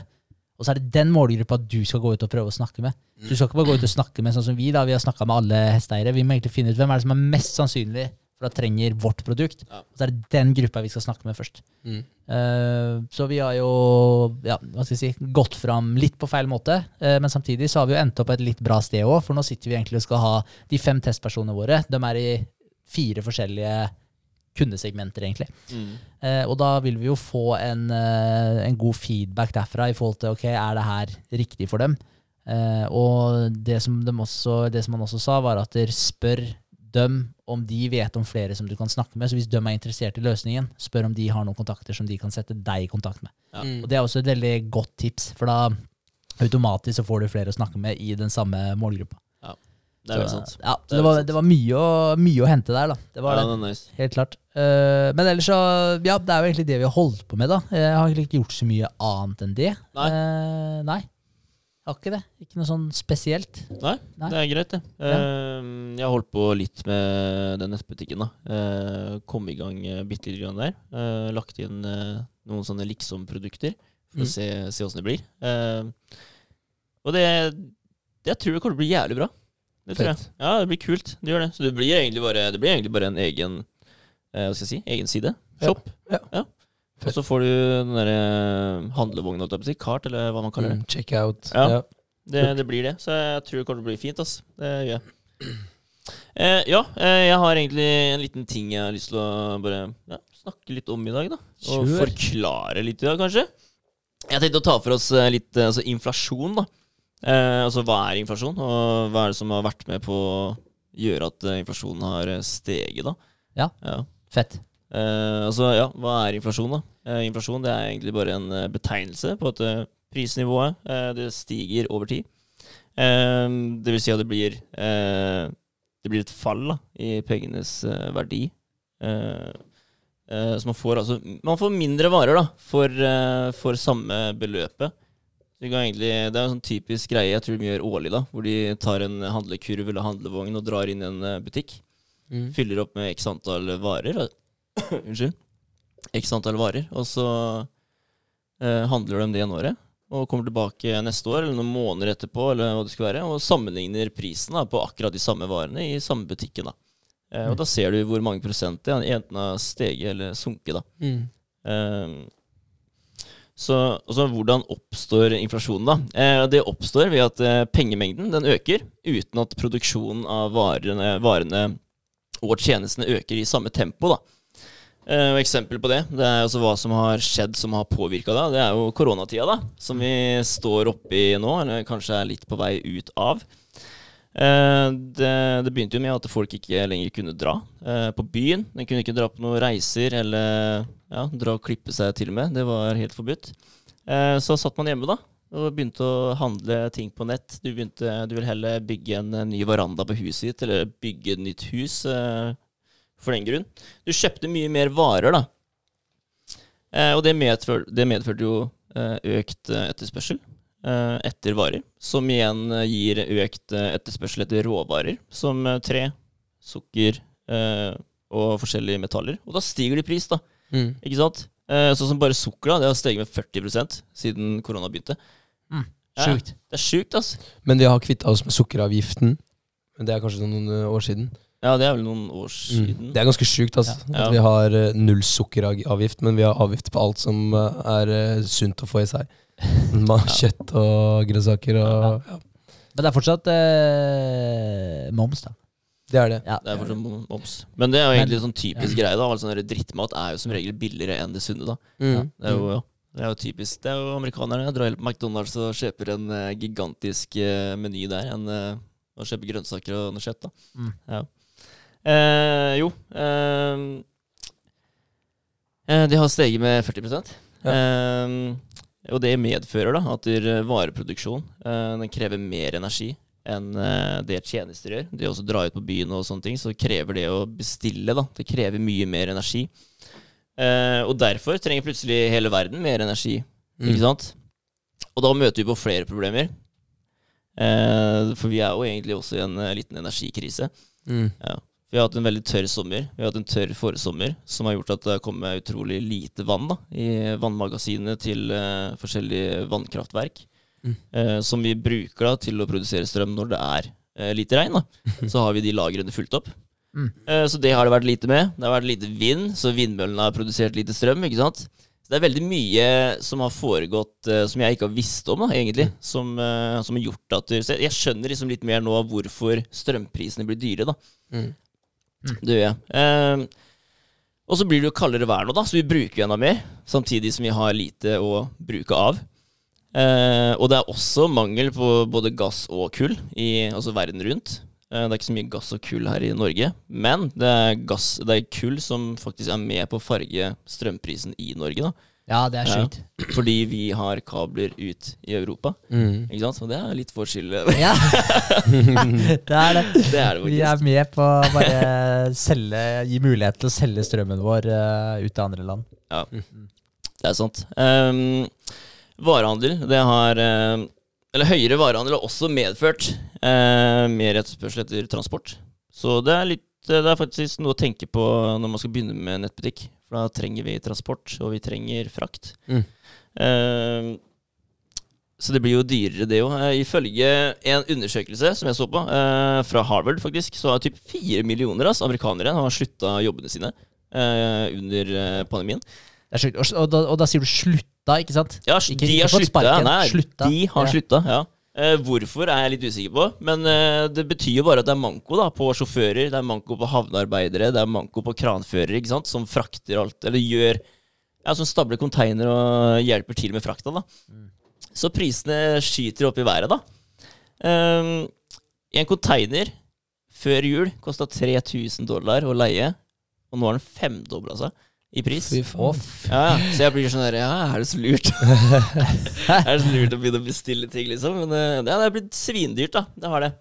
Uh, og andre ting da, som også har blitt uh, påvirka her, det er jo eh, bilindustrien. da. Uh, fordi det de produserer sånne mikrobrikker. Mange komponenter det er mangel på nå pga. råvarer. Veldig. Det er Sånn halvledere og noe sånt noe som eh, ikke blir levert. Ja. Og så er det jo, eh, apropos transport, at den har blitt dyrere, men det er også under koronaen så var det også en, eh, en situasjon i den derre kanalen. Hva heter den igjen? Mm. Kommer du til? Suezkanalen. Suezkanalen. Ja, der kjørte jo det skipet på tvers, eller blokkerte hele Blokkerte hele kanalen, ja. ja. Ja, stemmer det. ja.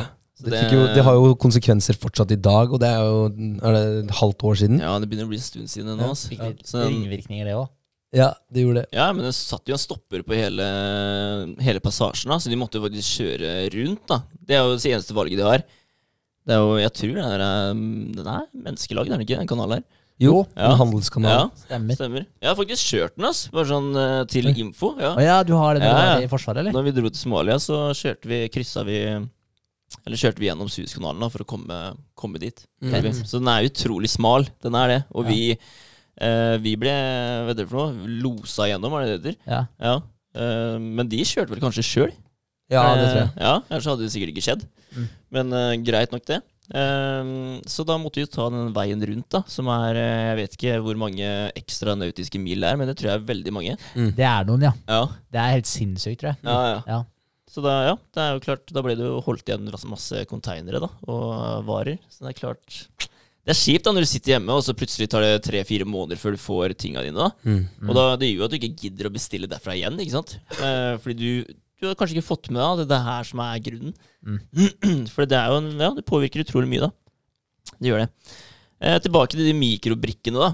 Eh, produksjonstiden på den blir jo kraftig svekka pga. smitteverntiltak eh, osv., som gjør at du, eh, når du bestiller en ny bil, da, eh, så blir jo ventetida utrolig lang på den. Og det gjør jo at igjen at veld, veldig mange velger heller å bestille eller kjøpe en brukt bil. Som da gjør at bruktbilprisene stiger, da.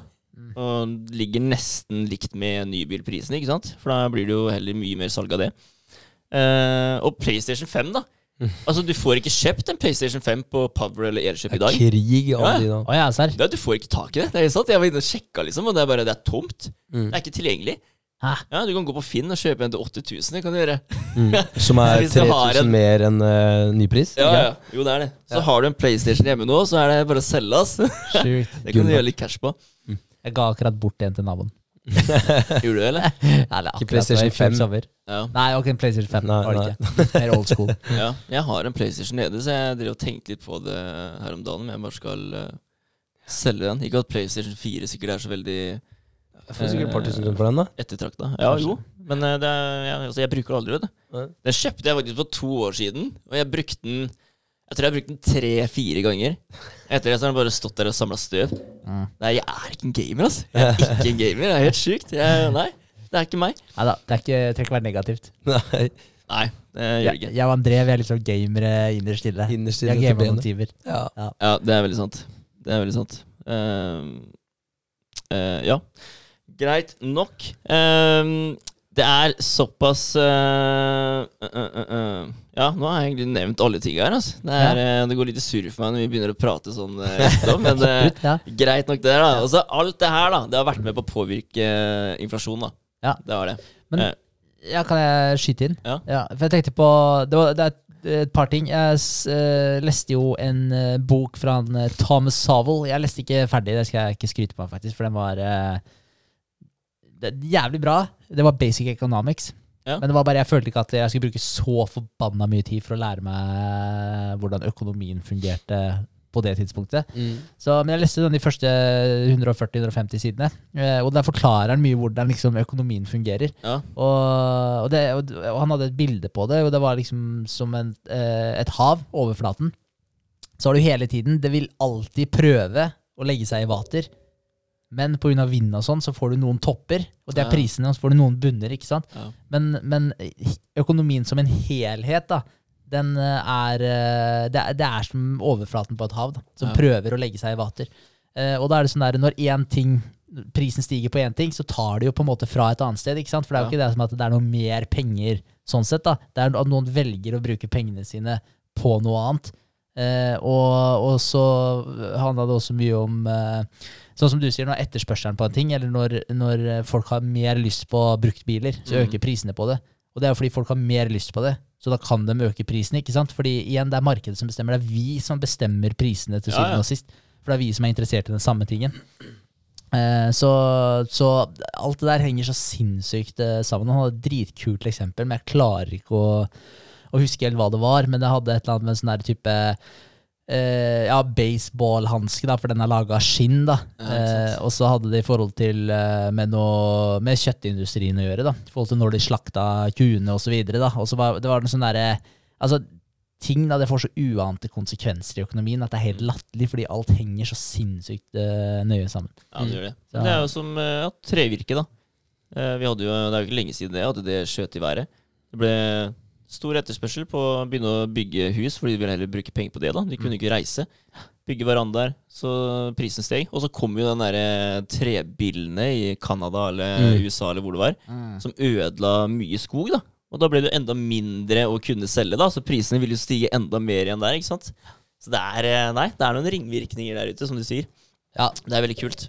Det er helt vilt. Ja. Eh, Men vi har jo også tenkt på statene. Ja. Printa mye penger. Yes. jeg, jeg skjønner ikke helt hvordan økonomien med statene henger sammen med vår egen økonomi. Nei, for vi printer våre egne penger, gjør ikke det? Eh, jeg vet da fader hvordan det funker. Det å alltid lurt på, jeg òg. Men, uh, men uh, har dere litt på følelsen av at vi nærmer oss en liten sånn minikrise, eller stor krise? Jeg- det, jeg, tenker sånn umiddelbart at dere, eh, det printes mye penger. Mm. alle priser stiger. Eh, det må jo eh, Altså, det må treffe tak, da, en eller annen gang. Og det har det jo gjort tidligere, med, i finanskrisen 2008. Nå er det jo Jeg, jeg, jeg vet ikke, jeg føler at det begynner å nærme seg. Jeg har ikke god nok innsikt, Nei. men uh, kanskje du kan Eh, Jeg leste Det var en dude, eh, han var fra statene, faktisk, husker jeg ikke hva han heter. Men han sa at han hadde spådd finanskrisen i 2008. Det var ingen som hørte på han. mm, Uh, Så han spådde den igjen nå, da. Og håpte at noen skulle høre på den nå. Okay. Men det er i statene, da. Og så har jeg lest litt om Norge. Og det er mange der som mener at ja, det kan skje i andre land, men de har veldig liten tro på at det kan skje i Norge. Mm. Det er vel fordi bankene våre er litt mer forsiktig på styringsrentene, da Mm, enn det bankene i andre land er. Eh, og det har litt med vekst på økonomien og hvordan de klarer å følge det. da, rett og slett. Sånn som statene, de printer jo bare penger som faen, ikke sant. Så den står jo egentlig i spagaten, dem nå. Mm. Ikke sant? Men eh, det vi må gjøre da, for å klare å få ned inflasjonen nå, det er jo å sette opp renten lite grann. Og litt, litt etter litt da, hele tiden, og så må vi betale tilbake mer. Men det er klart, det kan jo gi bivirkninger for oss òg, da. Ja, for det som skjer når vi setter opp pris, eller rentene, da, det vil jo si at vi som forbrukere vil bruke mindre penger på, på varer. Eh, og igjen da vil bruke mindre penger, vil betale tilbake til bankene. Bankene kan igjen senke renten, og kanskje varekostnaden vil bli lavere fordi vi betaler mindre penger. Eller vi er villige til å betale mindre penger for varene. Så kanskje vi stabiliseres eh, på bakgrunn av det, da. Ja, Det er sikkert mange som kan gå på en smell òg, da. Og tenke at der, eh, Bare når- fortsetter. Når koronaen kom, så gikk jo renta veldig lavt. Mm. Og folk fikk eh, penger til mer. De kjøpte seg dyrere hus, ikke sant? og enklere å få lån. Mm. Ditten og datten, og så går rentene opp igjen nå. Da er det ikke sikkert alle klarer å eh, behandler de låna. Da. Det blir mye luksusfeller kanskje framover. Ja, brått. Helt sikkert. Det er nok noen som har kjøpt på seg litt for mye, litt for mye greier. Ja. Uh, men uh, det er jo noen distinkte forskjeller da, på, på økonomien i statene og vår egen økonomi. Eh, og eh, det ene er jo at vi har jo oljefondet. Ja. Så, så vi har jo Altså, staten Norge, Norge. da har jo jævlig mye spenn. Mm. Det har jo ikke staten USA. De å si. skylder jo bare jævlig mye spenn. Ja, og det er jo helt sykt. Altså, kan vi snakke bare to sekunder om det Ja. eh, banksystemet i staten, eller? For bare så liten recap. Jeg husker ikke om vi har tatt det opp på poden før engang. jeg. Jeg tror vi har snakka om det, men uh, Ja. vi kjører en recap. Fordi uh, før Ja, vi har snakket om det. Før så var uh, dollaren knytta opp mot gull. Ja. så det betyr at der, i statene så måtte de ha eh, Bankene måtte ha så og så mye gullreserver for at de skulle kunne printe mer penger. Ja. Så hvis de fikk mer gull inn, så kunne de printe mer penger. Så de måtte hele tiden ha det eh, på samme nivå. Korrelasjon. Yes. Yes. Og da sier det jo seg sjøl at det da eh, Altså når man vet at det, når, noe, når det er lite av noe, så er det mer verdifullt. Og det er jo sånn verdi fungerer. Mm. Og hvis det er høy etterspørsel og, så videre, da, og det er begrensa eh, tilgang på ressursen, så er det mye verdt. Og, og sånn er det jo med gull, eh, for det er jo en begrensa ressurs. Eh, og og den, er, eh, den er jo da mye verdt. Eh, og når det da eh, har like mye Hva skal jeg si, når, når dollaren, når antall dollar du har, er knytta opp mot mengde gull du har, så sier det seg sjøl at dollaren også er verdifull, fordi du har en begrensa mengde av det. Mm. Men på 70-tallet en eller annen gang så eh, fjerna de den regelen, da, eller den loven, som sa at de måtte ha like mye gull i backup som de hadde dollar. Så det, eh, Og samtidig som det greiene her, da, så slo eh, Jeg vet ikke hvor mange banker det var, om det var fire eller fem eller et eller annet, sånne megabanker slo seg sammen Ja. og kalte seg sjøl- seg sjøl The Federal Reserve. Mm. Og det har ingenting med The Federal å gjøre, men det var jo en genistrek å kalle seg The Federal Reserve, for da Ja. tror alle at det her har en del med staten å gjøre, men det har faktisk ikke det. Privat, ja. Yes, Det er privateid. Ja. Bare tenk deg det. Det er noen en eller annen gang tilbake i tida som starta de bankene her, privatpersoner, og så slo de sammen de greiene her til The Federal Reserve, og nå sitter de og lager penger. Mm. Og de trenger ikke å ha noe for De har bare en maskin. Kan skrive, og, og nå printer de ikke engang penger, de skriver bare digitalt. Så Ja. de skriver et tall på en skjerm, og så har de laga de pengene. Det er litt sinnssykt. Det er det. Ja, Faen, Det er så sjukt. Jeg husker ikke hvem som sa det, men det var en eller annen eh, sånn kjent figur i statene som sa at hvis, hvis, eh, Hvis mannen i gata var klar over hvordan økonomien i staten fungerte, så hadde det vært opprør i morgen. Ja. Mm. For det er, det er helt sinnssykt. Eh, men eh, Jeg skulle gjerne hatt et tall på det, men jeg har ikke Jeg husker ikke hvor mye det var. Men det var, eh, jeg, jeg så hvor mye penger staten har printa siden korona starta. Ja. Det ja, det er jo trillioner. Ja, ja. Ja. Dollar, liksom. Ja, Ja, ja. det, er noe sånn, det er et sånn svimlende Ja, det er helt sinnssykt. Så jeg tror de har i hvert fall dobla Nå, nå bare kaster jeg litt uh, tall ut, men jeg tror seriøst de har i hvert fall dobla gjelda si. Ja. Nasjonale gjelda si på de siste halvannen til to åra. Men, hvor, Det jo helt sjukt. men hvordan henger det her sammen da, hvis, eh, hvis de kan trykke print eller bare bestemme at nå er det så mye penger i, i USA, og det ikke er knytta opp med en eller annen verdi? Mm. Eh, hvem er det de skylder penger til? Bankene. Så De skylder penger til bankene. Så bankene Jeg, jeg kan ikke 100% hvordan akkurat det der fungerer, men bankene kjøper noe sånn der eh, Jeg tror det kalles obligasjon eller et eller annet. Ja, Vi kan også kjøpe sånne. Er verdipapir, er ikke? Ja. Verdipapir, ja. Så bankene kjøper verdipapirer av, uh, av staten på okay. visse greier. Jeg vet ikke Ja. hva det er, da, men, Men bare den der krisepakka til den der Biden var jo på helt sinnssykt mye cash, da. Ja. Så den, den er jo Den er jo brukt opp for lenge Ja. siden. Og så bare fortsatte med å printe, printe, printe etter det. Men det, er- men det er det som er litt av problemet der borte òg, fordi du, du printer eh, masse penger, da. Og, så? Så, og, og hvis folk mister jobbene sine pga. covid, eller de får ikke lov å gå ut da, Mm. eh, pga. covid, som får de restriksjonene. Eh, og da ender det med at når folk ikke går ut, så bruker de ikke penger rundt omkring heller. Og da er det folk som ikke får inntekt. Og så kanskje de må stenge det sjappa si, de mister jobbene sine. Det blir arbeidsledighet. Det blir Mm. dårligere økonomi, da. Og de personene her som har mista jobbene sine og må legge ned sjappene sine, de har ikke penger til å gå ut og handle lenger. Så de klarer ikke å stimulere markedet lenger. Så det er jo det egentlig de har prøvd å gjøre. da. De har jo prøvd å gi da, pengebeløp til borgerne, sånn at de faktisk føler at de har kjøpskraft. Sånn at de kan gå ut og bruke penger og stimulere markedet. Mm. Det er jo derfor de gjør det, og selvfølgelig for at folk skal klare seg, da. Men, men det er jo for å stimulere markedet, så ikke det her For det, for det blir en sånn dominoeffekt. Mm.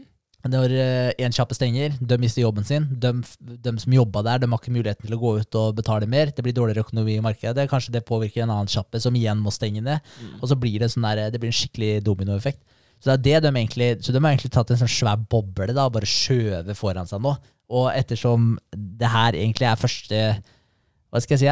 Det er, det er ingen som vet hva som skjer da, med det her. Ettersom man på en måte ikke har vært i den situasjonen her før, da, hvor noen bare printer og printer og printer penger. Eh, åpenbart så er jo ikke pengene så mye verdt lenger. Nei. Men, Men det er jo fortsatt, det er her- fortsatt ja. dollaren som styrer markedet, er det ikke? Ja, jeg vet da faen. Jeg vet ikke hvor det Det henger er vel, det er vel dollaren som liksom står som toppen mellom eh, valutaene, da? Er det ikke? Jeg vet ikke. Hva mener du? da? Altså liksom styre markedet? Ja, altså jeg bare tenker, Går det dritt med USA, da, så har jo det en eh, følgeskade for oss òg. Ja, Ja. Det, det tenker jo jeg òg, for jeg Ja. føler jo også ofte at det som skjer der, det, det skjer her. Ja. Mm. Men igjen, den store forskjellen er jo at oljefondet her Ja. til lands, det, vi har jo en stor backup. Ja, Vi har en plussøkonomi. Ja, Ja. Så, så vi jukser jo litt, egentlig. Så, så, men veldig bra, da. Så, så jeg tror det er Ja. bra å være i Norge i en sånn periode. Jeg kan ikke se for meg noe annet. Nei. Jeg vet ikke. Men uh, Nei, men altså, alle de pengene som ble spart Eller ble gitt ut da uh, under koronaen uh, i Norge, det har blitt spart inn igjen for lengst av oljefondet. Sjukt. Ja. Det er jo snakk om milliarder, liksom. Det er vilt. Ja, Norge er en ganske grei business å, å ha ansvar for, da. ja. Ja. Så han Støre han har litt av en jobb foran seg nå. Ja. Men eh, jeg tenker på i 2008, da. Forrige, forrige på en måte krakk. Ja. Så hadde jo det konsekvenser i Norge, selv om vi hadde det gigasvære oljefondet vårt. Mm. Så det vil jo få en konsekvens eh, hvis det skjer eh, et tilsvarende eh, finanskrakk i, i statene. Ja. Men åssen er det? Altså, det går jo utover aksjemarkedet. da. Og da blir det, er, det sånn da at eh, det kommer et krakk, eh, ting synker, folk tør ikke lenger da å dytte penger inn i det, fordi de vet ikke om det kommer til å gå bra eller ikke. ikke sant? Mm. Da, Altså- da tenker du at du, Hvis jeg dytter inn 100 000 her, så vil jeg bare tape de uansett. Ja. For det vil sikkert bare fortsette å gå ned. da.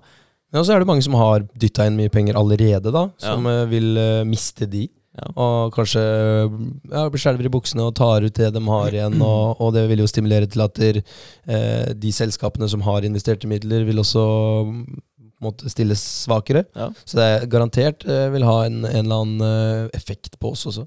Ja. Det er jo kanskje det dumme som skjer, at folk faktisk får panikk.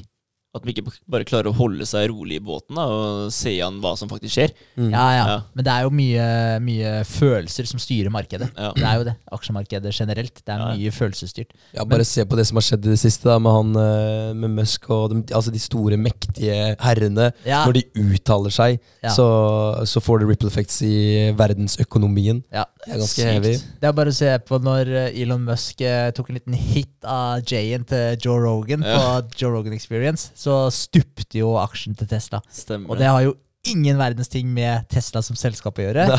Og det er jo ikke sånn at dømmekraften til Elon Musk går til helvete ettersom han har tatt et trekk av den, men da, men da stupte det etter det. Og det er jo bare fordi folk handler veldig irrasjonelt. da. Man gjør det. Tenk deg det at folk eh, bare tok eh, akkurat det eh, øyeblikket der. Ja. Og, og verdsatte det såpass mye istedenfor å tenke på alt det han har bygd opp over altså 40, 40 år. da Ja, det er helt sinnssykt. Ja. Men, eh, men, ja, men det viser jo bare hvor, eh, hvor følelsesstyrt markedet er. Ja. Jo det. Det er veldig sant. Ja. Jeg tror faktisk Elon Musk kjøpte, eller ble CEO for eh, Tesla under finanskrisen i 2008. Ja, ja. Det tror jeg. Mulig det. Det tror jeg, ass, faktisk. Men jeg har lest det. Ja. ja. Så da fikk han sikkert det for en ålreit uh, penge, da. Kanskje. Ja. Mulig. Ja, han har gjort, gjort noen gode valg opp igjennom, han der. Ja. Ja, var, det, var det han som prøvde å selge, selge Tesla til eh, Steve Jobs, eller var det omvendt? Nei, det var han, Det var han, som ja. prøvde å selge det til Var det Steve Jobs? Jeg tror det er til Ja. Apple. Ja. Jeg er ganske sikker på. Ja, ikke sant? Ja, det kan stemme. tenk deg det, ja. Gjorde ikke det. Det hadde vært eh, beste dealen ever da for eh, Apple. Å fått integrert telefonsystemet sitt inn i Tesla. Og det hadde vært helt Ja, det hadde vært sjukt. Ja. Ja, det hadde vært sjukt. Ja, Du driver jo eh, og forsker på Apple-bil allerede nå, gjør du ikke? Jo, de har Ja. gjort det lenge. Sånne Ja. autonome biler. Apple. Ja, Ja. kult. Ja, fy faen, tenk deg det. Det hadde, blitt, da hadde ting vært he veldig annerledes. Det hadde, det hadde ikke vært Tesla rundt i gaten her da, det hadde vært Apple-bilen. da. Epler som Ja. kjører rundt. Kult. Det er sjukt. Apple lager alt mulig rart, egentlig. Ja. Jeg har blitt mer og mer bevisst på det. Jeg driver og hører på den der eh, lydboka til Simon Sinek nå. Ja. Eh, Start with why. Ja. Eh, for vi gjorde den øvelsen eh, tidligere. Ja. eh, Find your why.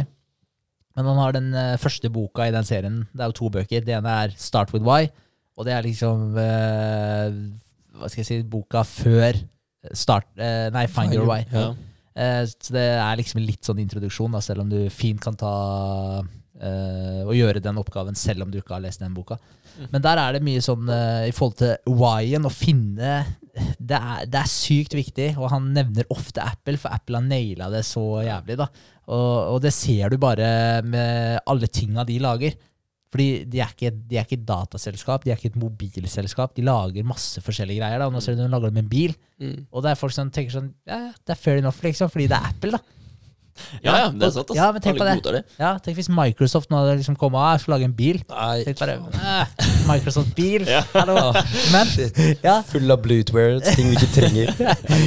ja, men, det er, eh, men det er rart med det. At liksom, jeg er ikke overraska når jeg hører at Apple lager en bil. Nei, det er ja. Ja, det, naturlig neste steg, egentlig. Ja. Det er det. Faen, da er det garantert at noen tar over bilen din og hacker seg inn. Et eller annet virus. Du må ha Norton på bilen din. da Norton antivirus. Og det er garantert at noen tar over den og så kjører deg inn i en fjellvegg. Ja, Det er faen meg sketchy, altså. Ja, fordi Apple er jo, det er jo Apple var Apple mest kjent for, øh, og de er det fortsatt, at de er kjent for at det, det er nesten umulig å hacke seg inn og, og fucke med. Det er aldri virus på en øh, Apple-telefon eller en PC. Ass. Mens eh, på Microsoft så får du alt mulig drit hele tiden. Så jeg vet ikke om det er fordi at Microsoft har eksistert lenger, og at eh, de som er gifted hackers, har, eh, har eh, naila konene deres fra gammelt av. Kan godt hende. Men uh, det, da gjør jo Apple noe riktig, da. Ja. Definitivt. Definitivt. Men ja, det blir en syk, syk framtid. Jo, det. ja ja, faen. Altså Facebook, da. Metaverse. Det er jo helt sjukt. Det synes jeg er skada. ass. Ja, Litt sånn der Ready Player One-opplegg. Jeg vet ikke helt hva jeg synes om det. ass, Men Nei, eh, fortell hva dere synes om det. Nei, Jeg, jeg syns det er litt eh, creepy. Det er at, creepy. eh, vi skal i framtida bare sette oss ned og ta på oss et eller annet headset eller en brille, og så skal vi være i et annet univers. Det er, eh, det er ikke en tanke jeg er veldig fan av. nei. Nei, Men, Eller- eh, men allikevel så har jeg spilt VR-spill og syns det er fett. og sånt Så det er en sånn Du sniker deg inn i den verden, da. Sakte, men sikkert. Eh, Ja. linje der. Ja, ja. liksom, skal artificial intelligence bli større enn human intelligence? Det er litt sjukt. Mm. Ja. Det er jo dit vi er på vei, egentlig. Det er det, altså. Jeg vet ikke. Meta han, han mener jo at der, Altså, det er jo, det er jo en big statement, da. Han Mark Zuckerberg har gjort akkurat nå. Ja. At Facebook skal egentlig være domine, dominerende når det gjelder egentlig alt som har med eh, connectivity, da. At vi mennesker samhandler, og at vi, hvordan vi skal gjøre det i framtiden.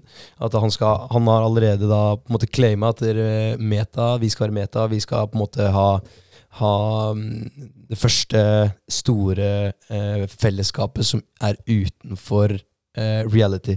Mm. Det er ganske eh, ballsy. Det er ballsy move. det er det. Men jeg må jo si at jeg liker jo dårlig tanken på å uh, Hva skal jeg si Selge Altså, du, du selger jo tida di da til han, til Mark Zuckerberg. Du Ja. gjør jo det. Altså, men så begynner jeg å tenke litt sånn Ok, uh, hvis du er i en sånn VR-verden, da, hvor du spiller det spillet her, og du interagerer med forskjellige mennesker men så er det sånn, men, eh, Og du prøver å bygge opp deg sjøl. Eh, altså, jo mer jeg tenker på den greia med at du er i et spill, da, og du prøver å bygge opp deg sjøl for å skaffe deg gear, skaffe deg kvaliteter osv., så, videre, så tenker jeg sånn Hva faen, hvorfor skal du gjøre det inni der når du kan, når du kan gjøre det her? Det er jo her det er viktig å gjøre det, altså i den faktiske eh, verden. Men så har jeg begynt å tenke sånn Ok, men, men hva med vanlige spill? da? Vanlig holdt jeg på å si 3D-spill. Det, det blir vel 3D. Eh, selv om det er på en 2D-skjerm. det er veldig forvirrende. Men, eh, men ja, vanlig 3D-spill. Det er jo akkurat samme greia der. Og du sitter og bruker time inn, time ut for å levele opp, få bedre gear, få bedre skills Mm. osv. I et univers som er eh, ja, virtuelt. Mm. Fake. Så men, ja. Ja, men det er kanskje akkurat det vi gjør nå i dag òg, da. På, på sosiale medier. Vi Ja. bygger oss opp, vi skaper en eller annen fasade. Eh, eller vi, altså noen kanskje gjør det. Eh, det, det, er, jo bare eh, å dra den strikken enda lenger. Altså Ja. Du har sosiale medier bli, Det er jo som et spill, egentlig. At du, du sitter og in, eh, interagerer med, med masse folk over hele verden som du egentlig ikke kjenner. Eh, og det samme gjør du på World of Warcraft. Du sitter og interagerer med masse folk du ikke kjenner, og leveler opp og gearer opp og sånt noe. Og det, det er jo det Instagram egentlig er òg. At du samler likes. Det er jo en level up hver gang du får en like. Det er en level up hver gang du får en follower. Så det er jo et spill. Det er bare det at Ja. det blir mye mer avansert. Ja. Det er jo det metaverse eventuelt blir, da. Ja. Altså, det er jo viktigere å se pen ut og bra ut på Instagram enn i virkelig, virkeligheten. da. Ja. Det er, det er det. Det er det allerede nå. ikke Ja. sant? Og Facebook kommer jo til og med med de der eh, brillene, sånne Mm. Ray-Bans som er eh, digitale, da. Så du kan gå rundt med hele tiden, og hele tiden ha skjermen på øya. da. Ikke sant? Ja, ja det, det er på vei, eller har kommet, jeg vet ikke. Men eh, ja, ja. Mobilskjermen din, ja, liksom. så nå, nå, ikke sant? Nå, har, nå er vi der at du, du må faktisk bruke litt krefter på å ta telefonen opp av lomma, men du skal slippe det, ikke sant? Ah. Du skal ha det på Nei. øya konstant, da. Det er for enkelt. Ja, ja. Jeg liker det ikke. Nei, det er, det er litt fucka. Ja. Det er det. Det er det. Det er skummelt. Hvordan skal vi få tid til å ta vare på oss sjøl, liksom? Og kroppene våre og, og hjernen vår? Hjernen blir jo stimulert der inne, da. Men eh, jeg vet ikke, inne i et eller annet eh, metaverse hvor eh, vi kommer til å forfalle hvis vi bare skal ta på oss noen briller og se at ting skjer. Ja. Skal det bli sånn fete, svette fakker som sitter i en stygg stol og har Segway. en skjerm rundt hele oss? Ja, det er ikke kødd, det. Ja. Det er uh, Ja, Segway. Ja.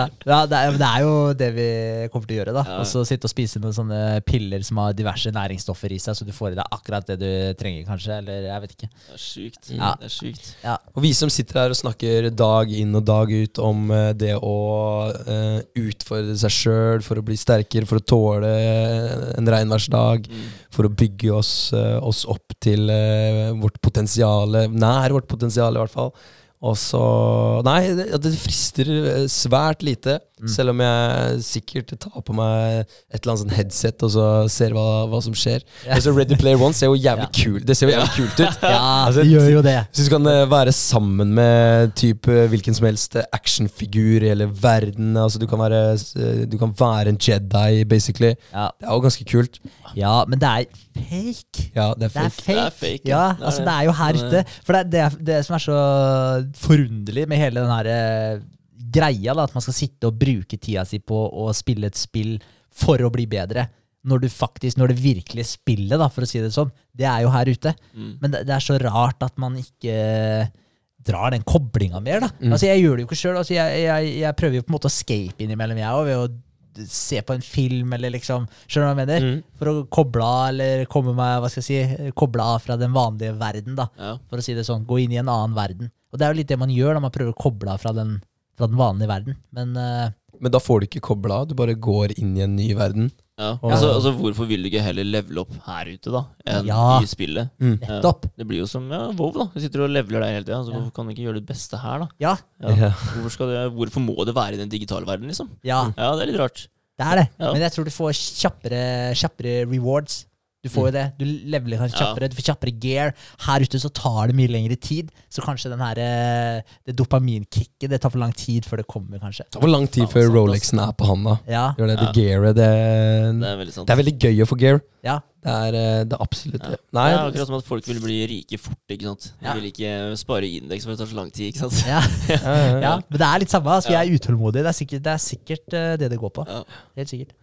Mm. Men ja, sjukt blir det i hvert fall. Så det Ja. blir jo spennende å se hva som skjer. da Men jeg, jeg, skal, jeg skal ikke inn i meta. Nei. Der kommer jeg til å sette meg på bakbena. Altså. Ja. Ja, altså, man må sjekke det ut, da. Se hva det her er for noe. Det vil jeg jo tro at jeg kom, eller, eller vet du hva, jeg vet ikke, for jeg har, faktisk, jeg har ikke prøvd VR-briller ennå. Nei. Nei, vi har snakka om det dritlenge. Ja, jeg vet det, faen. jeg bare venter på deg, jeg. Ja, nei, jeg skal dra og teste meta hos uh, André. VR-brillene der. Ja, Så. så vi, vi dropper å invitere Vegard den gangen her òg, eller? Ja, vi gjør det. Ja. det kan lure. Nei, vi, vi, eh, vi får se. Det, det kan hende det burde, det burde sikkert testes, bare så man har uh, opplevd det. Fair enough. Men jeg skal ikke ha et sett. Ikke vite hva det er. Det er viktig. Ja, Mm. helt klart. Skal vi ta en kjapp eh, Klokka flyr jo. Skal vi ta en kjapp, kjapp eh, oppsummering i uka som kommer? Ja, uka som kommer. Ja, jeg har en ny challenge, da. Ja, vi er ferdig med yoga. Ja, vi er ferdig med ja, yoga. vi er det har vi faktisk ikke adressert i dag. er men vi er ferdig med yoga. Uh, jeg har egentlig Det var egentlig Sofie sin idé, Ja. men jeg støtter den. Jeg har lyst på en eh, handstand challenge. Ja, Det er greit, for det kan gjøres på trening òg. Si. Det jeg, jeg, jeg har følt litt på den yogaen at det er en halvtime som du må bruke hjemme, da. Mm. Eh, og ikke når du er på trening. For det er likt med alt annet. At du kan inkludere trening, det i eller? Nei. Jeg tar med, tar med mobilen og setter og ser på en Ja. Liksom. Ja, for det, det, jeg har gjort det en gang. Ja, jeg har gjort det Ja. Rett før en gruppetime. Fordi jeg, jeg måtte, det var, var ikke tid da, til å gjøre det noe annet sted. Så jeg tok med telefon, headset eh, og på turfen inne i det der mørke power-rommet. Ja, Funka som faen, jeg. nice. Deep stretches, og men folk du sto på møllene. jobber der, da, André. Det er Ja. annerledes. Er, han er kul, han som gjør det der. Han jobber her, han er kul. Han ser. Ja, Vegard, det hadde vært sjukt teit. Han jobber ikke der engang. Nei, Tenk om han hadde gjort det. Ja, tenk det. Han jobber ikke her engang, og så kjører han yoga. Ja. Nei, yoga er en hjemmegreie, altså. Eller en time, da. Det kan være. Ja. Ja. Fett. Det har jeg faktisk tenkt med nivå. Jeg skal faktisk ned på nivå i morgen. Fett. når da? så jeg håper du har satt opp uh, Rope? gratis måned. Oh, ja, ja, ja nei, men det gjør jeg når du kommer. For du, når kommer du i morgen? Uh, jeg skal på jobb, da, så det må bli etter det. Okay. ok. det, må det. Eh, eller om det blir Jobber du der? På formiddagen i morgen. Men jeg, Ja, men jeg kan komme før jeg drar på jobb, da. Ja. Jeg skal være åtte, så jeg kan komme ned før det. ja, Når skal du være på jobb? Så det er åtte på morgenen? Ja. Ja, jeg er der da. Så vi kan aktivere det først, da, kanskje. Sweet. Nice. Gjør det. Fett. Men uh, da må vi, hvis dere er med på en handstand challenge Ja, Vi Ja. må definere den, da. Definere den. Ja. Uh, jeg, jeg har jo egentlig lyst at eh, det skal gå på tid. Mm. At det blir sånn type én økt, sånn som vi har gjort tidligere. Ja. Eh, men at det går på tid. Så vi blir enige om en, eh, eh, en eh, et starttid, da, for å si det sånn. Og så skal vi trappe opp så og så mye, da. Og da tenker jeg handstand hver dag. Mm. Ja, Ja, ja, men Ja. tenker vi med hantler da, eller på henda? Jeg tenker akkurat sånn som du vil, jeg. Ja, Du skal stå på hendene på et eller annet vis. Okay. Ja. Ja, bra. Men ok. Um, progresjon på sånn si, si du setter starttid på ti sekunder, da. Mm. Du skal stå rett opp og ned i ti sekunder. Om du beveger deg litt, altså, beveger deg litt for å holde balansen, er det godkjent? Ja, sånn, ja. Eh, Mm. Ja, men jeg tenkte jo i utgangspunktet at du kan få lov til å stå opp etter veggen også. Ja. For jeg vet ikke hvor mange sekunder står du på hendene. Nei, jeg står ikke lenge, så jeg må, jeg må Altså, det her blir en uh, ordentlig øvningsfase for Ja, meg. så kult. Ja. Men jeg tenkte på, det går an å gjøre sånn at dere- Si, du er på Du er på ti sekunder på første dagen. eh, Legge på fem eller ti eller et eller annet. Altså, hvis du er på 40 sekunder, eh, så er det sånn Du sparker opp bena. Hvis du står fritt, da, så står du, og når, hvis du detter ned, så må du pause. Ja. Eh, eller liksom trekke fra, da. Ja. Så til å ha stått alle 40 opp etter veggen eller fritt. ja, det skal i utgangspunktet være effektive sekunder. Effektive sekunder. Ja, Ja, ok. ja, ja. Ja, Det, det må det være. Mm. Så det beste er jo hvis man det er jo, ikke så, jo, hvis du har telefonen din, hvis du setter på titakeren nede, så med en gang du detter ned, så trykker du stopp. Ja, og idet du sparker deg opp, så trykker du på play, for eksempel, eller akkurat rett før. Et eller annet sånt. Ja. Ja, men det er nice. Ja. Begynner i morgen, da. Begynner i morgen. Ja. Ja. Men uh, i forhold til mengde tid, da. Jeg synes jo også hvis vi, vi tre vi har jo en brukbar styrke. Jeg føler jo at vi kan kjøre litt hardt. Og jeg tenker så man velger sjøl om man vil stå fritt eller om man vil stå inntil veggen. Ja. Uh, men jeg tenker jo jeg har, jeg har lyst til at det skal være, være litt hardt. Begynner på Ja. ett minutt, liksom? Ja, jeg tenker det. Ok. Ja. Ja, jeg har aldri stått i ett minutt, jeg, men uh, ja, jeg er med, altså. Ja, Ett minutt. Og da, Men da kan du stå opp mot veggen òg, for Ja, å trene styrken, liksom. Yes. Ja, greit. Pro tip da, det er å stå faktisk med magen. Det er, det er litt mer hassle hvis du skal ta tida og sånn. Ja. Men pro tip er faktisk å stå med magen inntil veggen. For da får du ikke den der banansvaien når du Nei. står med ryggen mot veggen. Ja. For den er eh, vondere å venne seg av senere. Sant? Så da får du en mye finere holdning da, i handstanden din. Ja. Gjør du, Så det er litt pro tip. Men, eh, men for all del skal du drive og ta tida og sånn også, så prøv bare å være bevisst på det. Så ikke du får den knekken i korsryggen. For den er, eh, den er vond å venne seg av. Ja, ja. Nei, men det, det er skjønt. Du har jo vært gjennom den. Ja, ja. Ja. Jeg hadde så ubrukelig teknikk. Starta egentlig bare å stå i sånn ja, tidlig Skikkelig over, overheng, eller hva man kaller det, Nei, med beina. Helt krise. Jeg hadde null følelse med liksom hvor beina mine var. Da. De bare hang over. For vi hadde bare om å gjøre å stå på hendene. Vi tenkte jo ikke teknikk i det hele tatt. Mm. Så klarte du 10 sekunder, 15 sekunder, så var det helt konge. da. Ja. Eh, men eh, Så den, den, den brukte jeg lang tid altså, på å få retta opp. Ja. Helt sykt lang tid. Så, Nice. Men det går jo. Men eh, ja.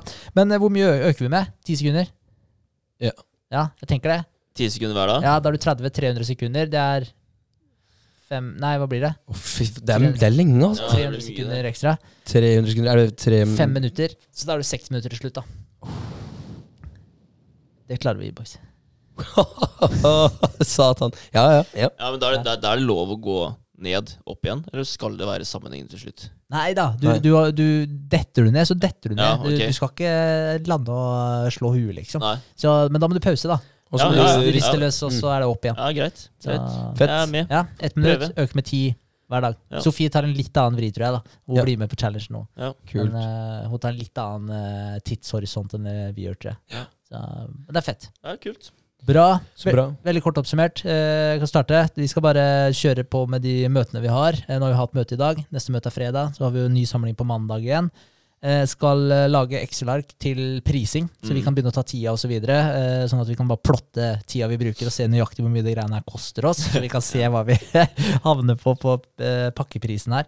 Eh, Så må jeg endre vedtektene. Der må jeg spørre deg om et par spørsmål etterpå, André, om hvordan du gjorde det. Jeg vet du fikk hjelp av regnskapsfører, men jeg må bare høre med deg om et par ting. for Nei, jeg gjorde ikke det- det. Fikk ikke hjelp. Du gjorde ikke det? Helt sjøl. Ja, deilig. Ja, men Ja. Perfekt. Da kan du forklare meg det etterpå.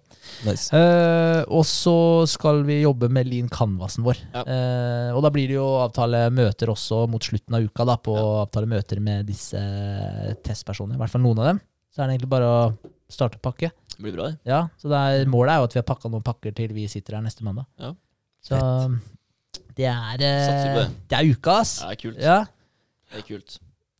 Ja, for meg også blir det jo alle de møtene som Henrik akkurat har sagt. Ja. Og ja. pakkinga. Det- eneste annerledes for meg, det blir vel eh, å jobbe litt med nettbutikken ved siden av. Ja. Gjør det. Ja.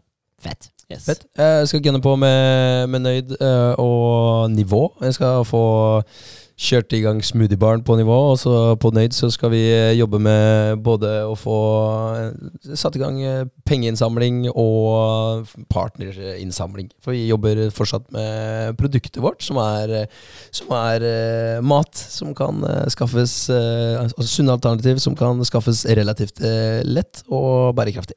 Nice. Nice. Yes. nice. Jeg syns til og med stemmen din uh, høres ut som den har blitt litt bedre i løpet av poden. Kult. Kanskje han Ja. har varma seg opp litt? grann? Ja, jeg tror det. Ja. Det er litt, sånn, litt Det er en fin stemme. Jeg liker stemmen òg. Ja. Tusen er takk. Tusen takk. Det er bra. All right, men da ses vi om en uke eller før det. da Spørs litt hva som skjer i kommende uke. Yes. Det gjør vi. uh, dere, takk for at uh, dere som hørte på Dypt vann, hørte på Dypt vann. Takk for det. Oi. Ha det godt. Ha det. Ha det.